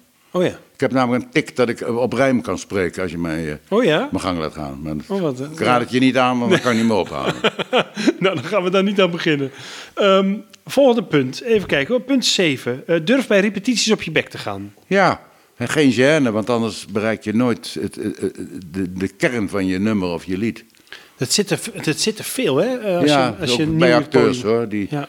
Sommige acteurs kan het niks schelen, maar anderen zien als een berg op tegen lezingen en dat ze de teksten weg moeten leggen. En zijn heel zenuwachtig ook voor repetities om, om echt, eh, zich echt te laten zien. Het is natuurlijk ook gênant voor een eh, klein gezelschap eh, uit te pakken. Dat vond ik wel het mooie van Freek, dat hij met zijn verkiezingsconferentie, dat hij gewoon in zijn eentje zich toch enorm kon opwinden. En ja, en ook voor één man publiek, toch? Ja, voor één man Ja, ja, publiek. voor één man publiek, ja. Ja. Dat vond ik knap. Maar ja, je moet dat durven. Sommige, Ja, ja, en als je extrovert bent en dat geen moeite kost, dan, dan is deze regel of deze, deze tip is, eh, verspild. Maar als je. Nee, volgens mij, niet. volgens mij zijn er heel veel mensen die... Als ik, ik, ik begeleid wat jonge mensen, eh, jonge cabaretiers ook. En eh, eh, ik merk al heel snel als ze in de repetitielokaal niet durven... dan laat ik ze even schreeuwen. En dan hoor je Ja. altijd dat ze niet echt schreeuwen, maar heel erg inhouden. Ja. Ik heb zelfs wel één keer een acteur gehad... die, die moest van We begonnen net en die moest van A naar B lopen en die ging heel raar lopen. Ik zeg, Ja. wat ben je nou aan het doen? Hij zegt, ja, ik loop naar die kant. Ik zeg, nee, maar je, je loopt heel raar. Nee, nee. En dan liep hij gewoon terug. Oh ja. En dan, en dan liep hij weer op een hele gekke, zelfbewuste manier weer. En kreeg het er niet uit. Nee, nee. Maar die bleef zichzelf bewust. Je Ja, moet, je moet nou, toch dat, de- ja, dat moet je ja, durven. Durven, je moet hè, jezelf vergeten. Ja. En dat, volgens mij is dat ook op het podium zelf. Dat je, je- ik zeg vaak, je moet ook lelijk, je moet lelijk durven zijn op het Absoluut, podium. Want dan vinden Dat- mensen je mooi. Dat bedoel ik ook met op je bek gaan. Lelijk, ja, je moet lelijk kunnen zijn. En, Ja. en je moet, als je dan een regisseur hebt, moet je wel iemand hebben bij wie je je op je gemak voelt. Dat vind ik een van de eisen die je aan een regisseur mag stellen. Zo'n bullebak die jou hè, uitscheldt en klein probeert te maken. Dat is ook een systeem. Hij maakt je klein om je groot te laten worden. ja, ja. Maar Dat geloof ik ook niet Ik hou er helemaal niet van. Ik hang heel erg het, het ehm, eh, Daan Rozengaarde principe aan. Daan Rozengaarde is een groot kunstenaar. En die zegt altijd, weg met de mening, eh, eh, kom maar met het voorstel. Ja, En dat vind ik een prachtig ding. Van, heel erg goed. Heel erg mee eens. Ja. Want, want daar heb je wat aan. Van, je kan wel zeggen, dat is niks. Ja, wat heb je daar nog aan? Maar oh, maar misschien moet je het zo doen, dan, dan kun je door. Ja. Ja. Mooi. Punt 8. voor een goed komisch type geldt, bedenk eerst de komische situatie, dan het karakter, dan pas de tekst. ja. Dat Eh, had ik nooit, dat zet niet in mijn boek ook, want, het, want ik doe niet zoveel met types ook. Maar dat had ik nooit op die manier bedacht. En als het hier zo staat, denk ik, "Oh, ja, natuurlijk moet het zo. Ja, eerst de man bedenken. Hoe ziet hij eruit? Hoe praat hij? Hoe, wat voor lichaam heeft hij? Is hij groot, dik, klein, mager? Is het een gemene man of een joviale man? Je moet aan zijn karakter bouwen. En uit dat karakter komt een bepaalde manier van praten voort. En daaruit komt jouw tekst weer logisch voort. Ja. Ja, want je zou eigenlijk denken, je begint met een paar grappen of met een gek type Kan. en dan doe je wat grappen. Maar dat blijft natuurlijk veel, als je, als je inderdaad eerst die situatie hebt en dan denkt, wat is, wat is een gekke, gekke type in deze situatie? En dan pas bedenkt wat hij gaat zeggen. Gebeurt vaak. Ja. Eh, Het systeem Fons Jansen, die bij het publiek van nu nauwelijks meer bekend is, denk ik. Ik weet niet. Nou ja, ik ken hem nog goed, maar goed, Jij, ik ben dan eh, ook cabaret uh. Onze luisteraars, maar die had dus een, een, een, eh, kaartsysteem met grappen. Mhm. op, op rubriek en alfabet en eh, laat maar zeggen eh, zee, zeeman of zo. Hè? Dan had hij allemaal grappen op zeevaart. Op schepen, op Ja, ja, ja. bootsmannen. En daar bouwde hij dan een figuur uit. Maar dat had geen karakter. Die had scheepvaart, zee Grappen, en, en bootsman grappen. Ja. Ik, ik belde hem een keer op, lang geleden, en toen zat ik te schrijven. En we, waar ben je mee bezig? Nou, ik, ik zit nog een beetje met het slot, ik heb niks. Ik zei, nou, ik heb, ik heb nog wat dingen die ik niet gebruik. Wacht even, hij had eens een kaartenbak. Eh, hier, eh, voor het slot misschien. Iets leuks, kan je iets leuks met jassen doen? Een garderobe jasbeschermer. Eh, onder je hoede nemen. Het handvest van de Verenigde- woordspeling ook, hè? Ja, handvest van de Verenigde Naties. Weet je, zo had hij... En, en ja, daar kan je dan een type bij verzinnen. Maar dat, daar, hou ik niet van. Nee. Ik heb het van Daar Anoui. ken ik de Paul van Vliet types ook niet in. Nee. Nee, die zijn echt, echt, die moet je op straat tegenkomen. Toen mijn zoon, stiefzoon, voor het eerst in dienst eh, het weekend thuis kwam, zei het is niet te geloven, Major Kees bestaat echt. ik beschouw dat altijd nog als een compliment. Ja, nou, eh, zeker. Dat lijkt Hij me wel, bestaat ja. echt. Hij is uit het leven gegrepen. Ja, wat grappig. Wat goed zeg. Eh, punt 9. Luister alleen naar kritiek van mensen die een alternatief kunnen geven. Nou, dat, is- dat is eigenlijk wat we net over Ja. gesproken hebben. Dus hier gaan, we- gaan we gauw door. Ehm, punt 10. Never answer the critics. Ja, dat is een wet, ijzeren wet die ik eh, heb gehanteerd. En dat betekent, ik, ik ga niet in op recensies. Nee, nooit. of- Ik heb nooit gereageerd op een kritiek. Of... Ik vind een hele sterke, je staat erboven. Je ligt er wel van wakker. En je loopt ermee rond. En je, je, je, je, je koudt erop. En je denkt, als je die man tegenkomt, dan ik hem van zijn fiets af. Maar je moet het niet doen. Je moet het bij jezelf houden. Ja, ja. je moet het bij jezelf houden. Ja. Hè? Ga Ja. nou uit. Nou ja, helder. Maar je, doe het niet. Want je- ik weet van mensen die met, de- met, de, met de pers in, in, in, debat gaan. Nou, dat, dat is, Ja, ik heb het wel één keer gedaan, maar niet voor mezelf. Oh nee, nou dat ik kan. Een, ben er voor een ander opgekomen. Nou, dat is mooi. ja. Dat hoop ik ook altijd als, ik, Ja. als ze iets slechts over me schrijven, dat iemand anders schrijft. Ja.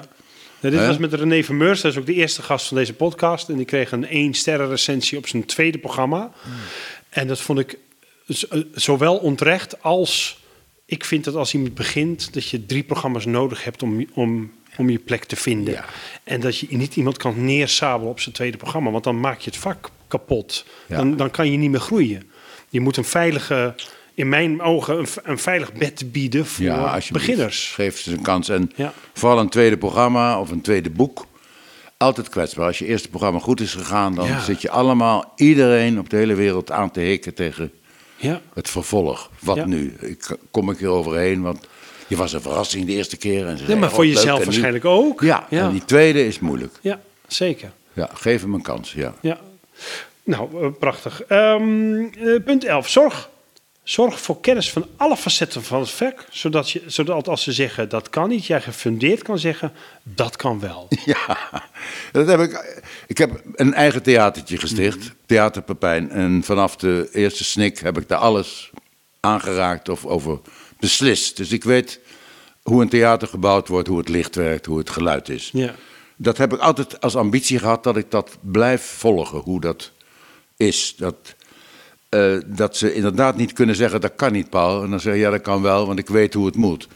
Dat heb ik geambieerd, dat heb ik heel lang volgehouden tot de computers kwamen. En toen heb ik dat, die stelling eigenlijk los moeten laten. Oh ja. Maar voor een jonge generatie raad ik het ze wel aan. Probeer de theatertechniek onder de knie te Ja. krijgen. Want Nou, ik heb ook een technici en muzici ook zijn eigenwijs en willen hun zin doordrijven. En zeggen gauw, of ze willen naar huis en zeggen dat kan niet. Ze, maar meestal kan het wel als je het weet. En dat veronderstelt ja, een, een extra opleiding eigenlijk Ja. in, in theatertechniek. Nou ja, ik vertelde al in het begin dat ik eh, gewerkt heb bij de Schouwburg van Groningen als technicus. En daar heb ik mijn hele carrière profijt Nou. van gehad. Beste bewijs. Omdat, ja. ik, omdat, omdat inderdaad technici zijn, nee, maar dat kan niet. Jawel joh, dan moet je gewoon even zo doen. ja joh, Of, of, eh, ik help wel even, ja, eh, precies, als, ja. als die die trek nou even daar pakken. En, Ja, hè. klopt. Ja. Ja, heb ik heel veel voordeel aan gehad. Eh, even kijken, waar waren we? Never en zo- zo- kennis, zorg voor dat je... Oh, punt 12. Zorg ervoor dat jij de media gebruikt en de media jou niet gebruiken. ja, geleerd van Wim Kan. Wat betekent dat? Dat betekent, de media willen graag iets leuks in hun programma. Bellen je dus op, hè, dus met die talkshows nu helemaal. En ze willen je allemaal hebben als je een beetje bekend bent en denken dat je iets leuks kan zeggen. Word je voor van alles gebeld. Maar waarom? Ze hebben iets nodig in hun programma. Ze zijn niet echt geïnteresseerd in wat jij bent. En dus daar doe ik het alleen en gebruik ik de media als ik iets te vertellen heb. Een nieuw boek, een nieuw programma of een nieuwe cd of wat ook. eh, of een onderwerp wat me bijzonder interesseert, waarom ik als specialist word gevraagd. Maar wij waren het er al over eens dat we eigenlijk alleen maar specialisten zijn. Het vak dat wij beoefenen. Maar als ze me daarover vragen, dan kom ik wel, want dan heb ik iets te vertellen. Als ik, maar niet om hun programma op te sieren, wat vaak Nee. zo is. Dat bedoel ik eigenlijk met... eh, En, en eh, is dat omdat je dan bang bent voor een overkill? Of dat je dan ingezet... Wat, wat is de ja, angst daarachter? nou, de angst is dat ik over dingen ga ouwe horen waar ik geen verstand van heb. Ja. Want ze vragen het ook als het kabinet- kabinetgevallen is, nu, nu niet meer, maar dan bellen ze je op. En eh, meneer Vliet, wat vindt u ervan dat het kabinetgeval is? Ja, nou, dan moet je mij niet bellen. Vraag dat nou aan een journalist, een Ja, andere of een historicus, een pol- politicoloog. Ik heb hier geen verstand van. Dus eh, ja, als je iets te vertellen hebt, weet zeker, dan, dan word je ook interessant. ja, kom met een plan ook. Nou, Zei die man heeft wat te vertellen, daar ga ik naar luisteren en Ja. naar kijken. En dat, eh, dat bedoel ik ermee. Ja, goede tip. Ehm, punt 13. eh, vergelijk jezelf nooit met anderen, want dan word je jaloers of arrogant. Ja, het spreekt wel voor zichzelf. Als Ja, je ja, ja. eh, zegt, nou, ik ben, ben, ben beter dan, dan, dan hij, dan word je arrogant. En als je zegt, nou, hij eigenlijk, god, dat haal ik nooit. Hè, wat hij kan, dan, ja, dan word je ongelukkig en jaloers. Dat komt natuurlijk het meeste voor. eh, dat je- mensen denken, dat haal ik niet, dat kan ik niet. En- Maar wat is dan wel de. Wat moet Nou je dan ja, wel doen? Tevreden zijn het- met waar je staat? Ja, het enige wat je hebt is je eigen talent en je eigen persoonlijkheid. Die wel moet gevoed worden. Je moet wel wilskracht hebben en incasseringsvermogen en eh, doorzettingsvermogen en, en, en, en, en, en zelfvertrouwen. Een heleboel eigenschappen die dat talent moeten voeden. dat beschikbare talent van jou, maar je kan er niet meer van maken dan wat jou gegeven is. Ik kan nooit zo mooi zingen als Herman van Veen. En ik kan nooit zo absurd in de weer als, als Frik de Jonge. Maar ik kan weer andere dingen die zij niet kunnen. En als ik jaloers ben op het zingen van Herman, dan doe ik mijn eigen voordracht tekort. Of, Ja. of de absurditeit van, van, van Freek. Dat, dat heb ik niet in huis. Dus daar moet ik niet jaloers op zijn. Dat moet ik me ook niet eigen willen maken. Want dat is van hun. Dat is hun ding. Dat kunnen zij. Dat kan ik niet. Maar ik kan dingen die zij niet kunnen. En Zeker. daar moet ik tevreden mee zijn. Ja. En, en dat ontwikkelen. Ik moet er niet tevreden mee zijn dat ik het dat voor lief eh, neem. Maar ik moet het voeden. Ik moet het beschermen. Ik moet het ontwikkelen, koesteren, testen. Ik moet wel wat doen met dat talent. Daarom vind ik eh, die gelijkenis, ik ben verder niet meer geloven, maar die gelijkenis van de talenten uit de Bijbel altijd heel mooi. eh. die, dat, die vader, die talenten, dat zijn zilverstukken in, de, Ja. in het oude Joden, Joodse Rijk. Hij geeft, één, geeft ze allemaal, drie zonen, geeft ze een talent. Dat is vast toen, zeg maar, eh, duizend gulden of zo. En dan moeten ze iets mee doen. De ene stopt ze in de grond, die doet er niets mee. De andere, die eh, weet ik niet meer. En de derde, die gaat daar echt mee aan de gang. Die gaat er, daarmee ontwikkelen. Die, die, gaat investeren. die gaat investeren. Ja. En die, dat, dat, dat, dat, dat talent bloeien tot iets, iets, iets heel moois en groots. En dat, dit is wel de opdracht die je hebt. Ja. Anders gebeurt er met dat talent te weinig. En dan kan je jaloers worden op de mensen die dat wel hebben gedaan. En die evenveel talent hebben als jij, maar die het verder geschopt hebben. Ja, en daar ja, ja. kan je dan wel jaloers op worden, maar dat is je eigen schuld. ja. Had je, maar kunnen doen. Ja. meer ervan moeten maken. Iets meer eh, doorzetten. Iets meer overeind krabbelen als je op de grond ligt. Is dat, is dat, is dat een, een, eh, een, skill, een skill die je moet hebben, dat je altijd weer opstaat? Ja, denk het wel. Ik, heb, eh, ja, ik, ik ben een verwend jochie, dus ik heb eigenlijk weinig dieptepunten in mijn carrière gehad. Ik heb eigenlijk nooit hoeven opkrabbelen. Maar wel op moeten krabbelen in die zin dat ik met het schrijven... dat je echt niet weet waar je het vandaan haalt soms. Hè? In die lange jaren dat ik speel en geschreven heb... heb ik dode periodes gehad dat het, Ja. dat het niet was. Het, het is altijd wel aardig geweest, maar, soms, maar niet echt waar ik blij van werd en dat het goed was. En ja, dan, dan moet je eh, opkrabbelen uit je eigen writersblok. En je daarvan losmaken en zorgen dat je nieuw geïnspireerd wordt, op reis gaan of andere mensen praten. Ja, dat is dan de truc, hè? Zoeken, Ja. muziek draaien, lezen en zelf echt jezelf... En dat kost wel wilskracht en, en, en moeite om... om Ik heb wel eens tegen mijn vrouw gezegd van die, dat, dat ik een show aan het maken was en ik zei, oh, ik ben zo over de bodem aan het schrapen. Laten we, laten we gaan leven, want dan, want dan komt er vanzelf weer wat. ja. En dat was ook zo. Ja. Dus toen heb ik het een tijd losgelaten en zijn we leuke dingen gaan doen. En ik kwam met allemaal verhalen terug en ik had zo een show in elkaar. Kijk, Ja. dat is toch... Zo gaat het. Ja, toch? Ja. Bevrijd jezelf en begin opnieuw. Ja, ja, precies. Ja, heerlijk. Prachtig. Ehm, Ja, mooi. 14. Je paniek brust vaak op gedachten, niet op feiten. Ja. Ik Vond ik heb- ook prachtig poëtische zin trouwens. Ja. hij, hij, hij is niet van mezelf, hij is van een psychiater die ik wel eens heb geraadpleegd toen ik een beetje in een dip zat. Die zei, je, hebt- je hebt gedachten, jongen. Dat is, allemaal, dat is allemaal niet waar. Dat zijn geen feiten. Je, je loopt achter gedachten aan, daar laat je je door afleiden, daar laat je je door in de put zakken. Onderscheid nou in godsnaam gedachten van feiten, hoe het werkelijk is. En daar heb ik veel aan gehad. En, en, en, die paniek dan? Wat, was dat dan van ik, ik kan niks schrijven of, of ik kan het podium niet op? Nee, ik, ik, ik, ik was gewoon eh, ja, een soort depressief en Ja, ja. hangerig. En ik zag alles heel somber in. En dan ging ik alles optellen. Dat ik zou ernstige ziekte krijgen. En Oh, ja. ik zou, Liedewij zou doodgaan. En ik zou eh, mijn geld verliezen. En de, het huis wat ik had zou niks opleveren. Nou, noem, ik kan van alles verzinnen wat je dan... kan ik mezelf in een trechter naar beneden praten... Dat het helemaal niks meer is in die carrière. Er stelt ook allemaal niks voor wat ik gedaan heb. Wat was het nou helemaal? Nou ja, tel, tel uit je winst. En Ja, maar het, Tel zijn geen, je maar het zijn geen feiten, het zijn maar ideeën. dat zijn gedachten, zei ja, hij. En ja, het zijn geen feiten. Probeer dat te on... Ik kwam uh, Karel de Rooij een keer tegen op het strand hier. Ken van Mini en Maxi? Zeker. Die zei ook, ik zit zo in de put, joh. Godverdorie, ik zie het helemaal niet zitten. Die zat echt in een zware dip. en toen kwamen we aan een gesprek op het strand, heel leuk. En toen zei ik tegen hem, eh, weet je wat het is, Karel? Eh, dat, dat zijn, eh, Geen, eh, probeer nou, dat zijn gedachten, dat zijn geen feiten. Toen keek hij me aan en zei, god, geweldig. en laatst had hij een interview. Paul van Vliet zei, hielp me uit mijn dip door te zeggen, het zijn geen geda- Het zijn gedachten, geen zijn feiten. gedachten, geen feiten. Nou, Ja, ja nee, het is ik, een dacht, prachtige ik, heb zin het, ik heb het ja. niet van mezelf, heb Nee. ik tegen Karel later gezegd. Maar hij had er enorm veel aan gehad. Nou, Nou, ik kan me dus voorstellen. dat heb ik ook bij dat rijtje gezet. ja. Ik ga hem ook meenemen. Ja. Eh, eh, punt 5. We zijn hebben nog vijf punten. Zoek een artistieke vorm voor je onrust en je eenzaamheid. Ja, dat. eh wij hebben daar natuurlijk allemaal last van. Dat we onrustig zijn, of eenzaam, of ongelukkig, depressief of hangerig.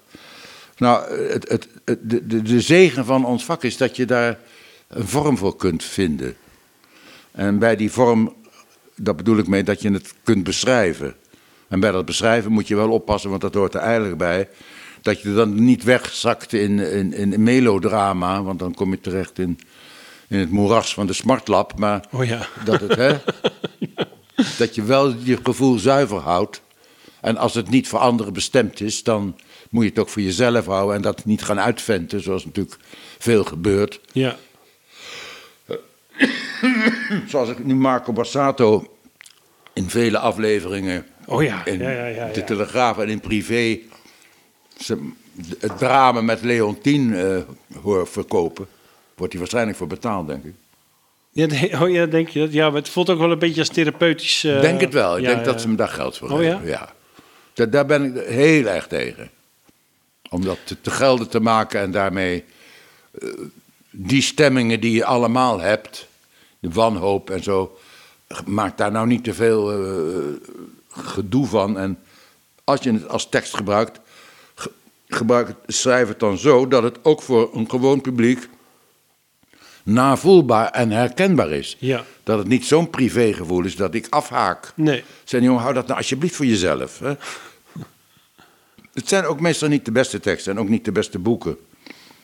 Die, te, Eh, die te particulier zijn. Zoals Allende heeft geschreven over de dood van de dochter. Dat is een, geen goed boek.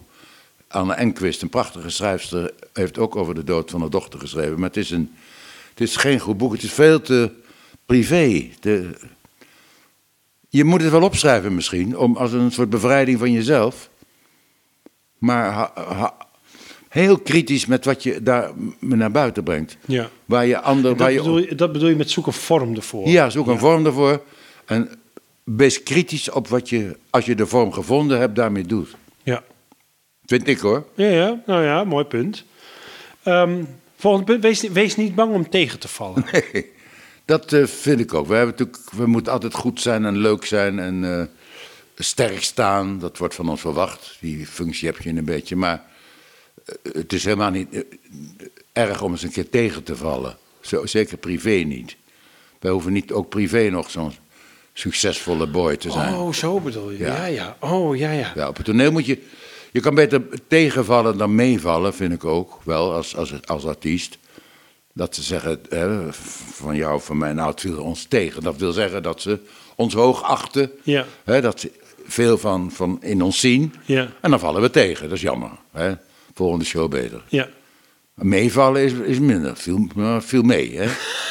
Liever Dat niet. is ook niet een compliment. Nee, hè? dan wordt er, hebben ze ons niet erg hoog zitten. Nee, ik had verwacht dat het bagger was, maar het we- viel me mee. Veel, veel reuze mee, ja. Nee, liever niet. Dus val een keer tegen, ook privé, dat is helemaal niet erg. Ja, privé kan ik me ook goed voorstellen. Podium wil je natuurlijk niet Nee, liever niet. Nee, maar ook, ook niet zo erg. Als het een keer gebeurt, moet je er ook tegen nee, kunnen. de-? Ja, ja. Daarom eh, we moeten ook in de lange termijn denken. En carrières, ik geloof dat dat ook minder gebeurt. Die jongens denken korter dan wij. Maar ik heb nooit gedacht dat ik iets anders zou gaan doen. Ik heb Ja, altijd je hebt in een- heel veel shows gemaakt. Hè? Ik heb ze hier op mijn lijstje ja, staan. Maar, in een leven, een leven theater. eh, Nou. Daar heb ik altijd aan gedacht. ja. Ja. ja, ik ook hoor. Ik wil ook nooit Ja. meer weg. Nee. Nee, Nee? nee, nee. Oké, eh, wees niet bang tegen te vallen. Je mag, je mag op het toneel pas gek gaan zitten of lopen als je gewoon kunt staan. Nou, Ja. daar hebben we het eigenlijk over gehad net, hè? Met die jongen die niet, Ja, precies. Ja, dat Ja. voorbeeld. Ja. ja, die niet normaal kon lopen. Ja. Ja. Ik, eh, ik zeg tegen de jongens van de academie ook wel eens: laten we, ga eens gewoon staan. Gewoon staan. Niet gaan lopen. Niet, Maar sterk met je benen op de grond, geworteld, dat ze niet om te douwen. Je ziet die jongens van nu, die stand-up comedians, die drentelen allemaal. Die hebben een microfoon met een snoer Ja. of zonder snoer en die lopen alsmaar heen en weer. Ja. En dan Ik, heel, ik noem het altijd als een, als een, eh, als een tijger in zijn kooi. Heen ja, en weer. nou, ja. heel goed beeld. Ja. Heel goed beeld. Dat, dat is precies wat ze doen. Ga nou eens een keer blijven staan vijf minuten, man. Hè? Maar dat kunnen ze niet. Ze durven, ze durven niet te staan. Nee, ja, of ze willen gek gaan zitten. Of het, het mag zeker niet. eh, Maar je haalt, ja, je kan het het beste demonstreren als ik, als ik ga staan. Maar dat zal ik dan dadelijk na de Ja, ja dat is goed. Daarmee kan me wel iets bij voorstellen. Ik weet nog wel dat ik, dat ik ooit Joep... ehm, dat hij helemaal tegen de manteau, tegen de zijkant van het toneel ging staan... en Ja. daar ging staan spelen. En dat, en dat voelde zo als lef hebben... om- dat je daar durft te gaan staan. Ja, ja. Eh, maar dat maakt ook helemaal duidelijk dat hij helemaal at ease was... Ja, op dat podium. tot en, ja. eh, ik heb tegen Joep ook wel gezegd, minder lopen. ja. eh, minder drentelen. Dat doet hij ook nu veel minder. Nee, maar het is ook heel mooi als iemand. Ik heb wel eens les gehad van een Amerikaanse acteur. En die zei: Hold your ground. En die, Ja. Weet je, blijf, Nou, heel. Ja, blijf nou eens gewoon. Pak, pak het nou gewoon. blijf staan. Wortel op dat toneel. Hè? Ja. En vanuit dat sterke staan kan je ook veel beter spelen en eh, alle hoeken van het theater bedienen. Maar en plus, het is volgens mij heel fijn om de loopjes bewust te gebruiken. Ja, als accent Ja, of exact. versterking van iets. Ja. Ja. Ja, prachtig. En ja. Ja, interessant hoor. Ehm, je mag eh, bouw een muurtje om je heen. Ja, hier ben ik het helemaal mee eens. Bouw een muurtje om je heen met een artistieke coach die je vertrouwt, een jurist voor de contracten en een fiscalist voor je centen. ja, vind ik belangrijk dat je daar niet wordt door afgeleid. Een coach vind ik belangrijk. Iemand met wie je kan pingpongen, brainstormen. En, en kan dat ook je regisseur zijn? Is Kan dat ook, ja. Ja, ja. Die, jou, die jij vertrouwt, ja, die jou goed kent en die van je houdt. Die houdt van wat jij doet. ja. En die ook liefst, zoals de criticus, een alternatief kan aandragen. Wat Ja, probeer dat nou eens? hè, zoek het daar eens in die richting. Iemand die je echt objectief bezig ziet.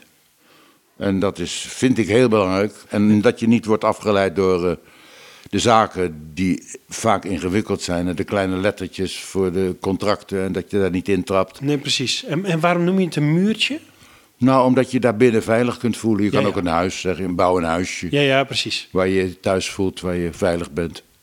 Ik vind, ik vind ook, ehm, ik, ik dacht ook dat je dat ook misschien bedoelde. Dat, ik vind ook belangrijk dat je niet te veel mensen om je heen Nee, nee. Die, die kritisch zijn. Je moet een paar mensen Nee, niet te- uitkiezen. vooral niet te veel. Nee. Nee. Want iedereen kan zeggen dat het niet leuk is. Of niet goed. Maar dan zeg ik, en wat dan wel? Hè, dus, en dan weten ze dat niet. Maar sommige mensen wel. En die, die heb je nodig. Ja. Daar heb je wat aan. En, en wie was dat voor jou? Eerst was het Niek van den Boezem.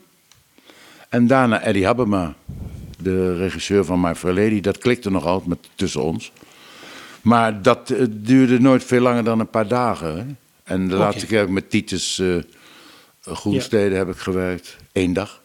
Eén dag aan een hele show. Ja. Dat was het. In een Schouwburg hier. Oh ja. Titus, kom eens kijken. En die heeft een paar hele handige tips gegeven. Ik speelde de show voor. En hij eh, gaf hele nuttige tips.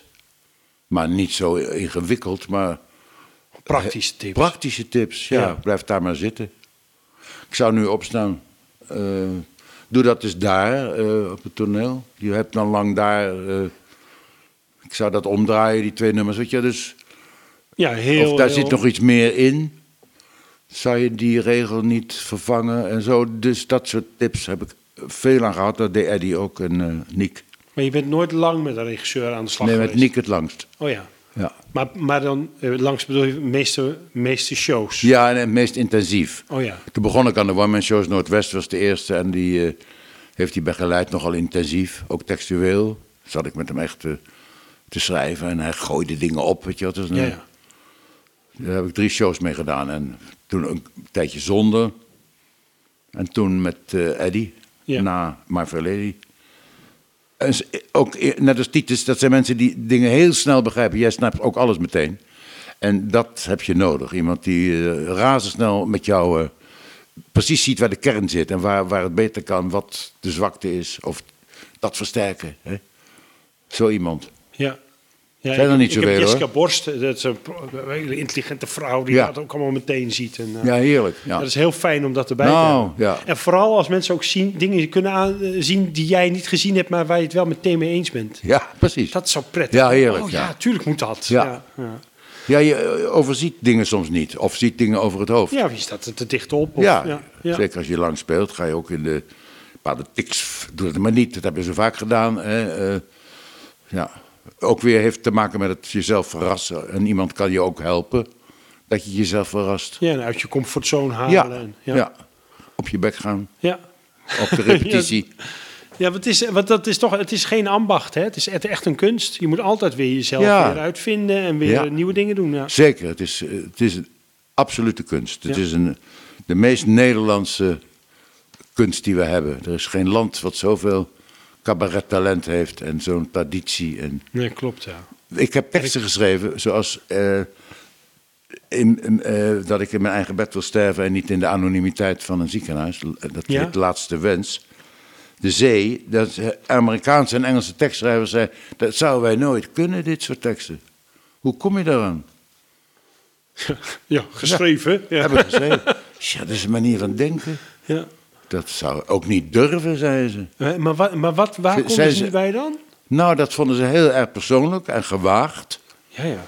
Ze schrijven natuurlijk wel in de ik-vorm. En, maar als je het gaat analyseren, dan is het vaak eh, behoorlijk objectief en, en eh, afstandelijk ik.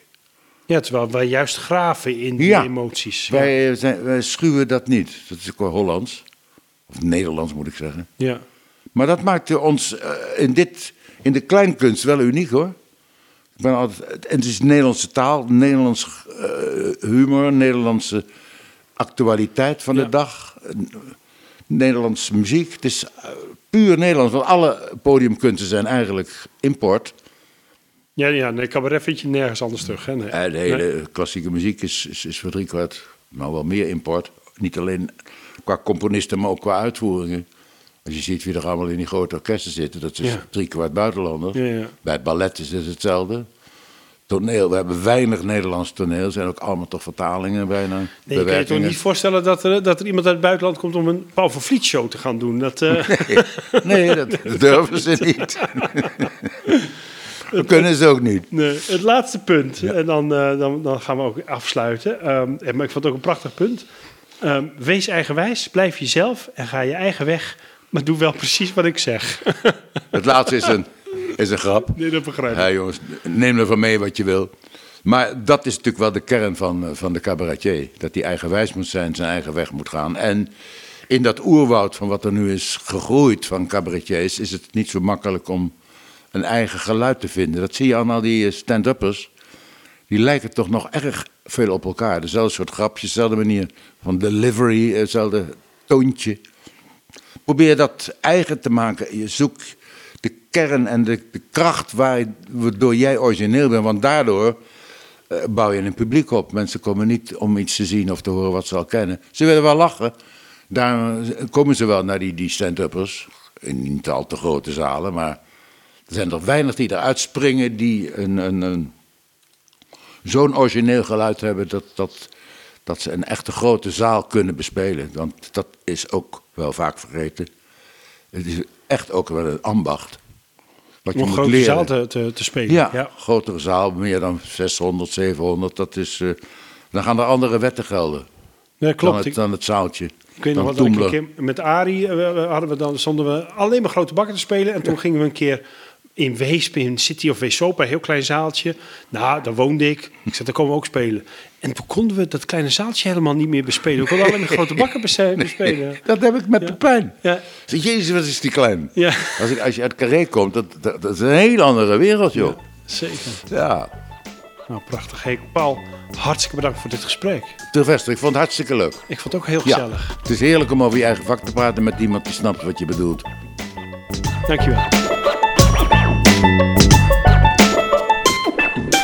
Tot zover de podcast Zo maak je een cabaretprogramma met als gast Al van Vliet. Eh, Wil je het boek hebben waar deze podcast op is gebaseerd? Bestel hem dan bij www.uitgeverijnanda.nl.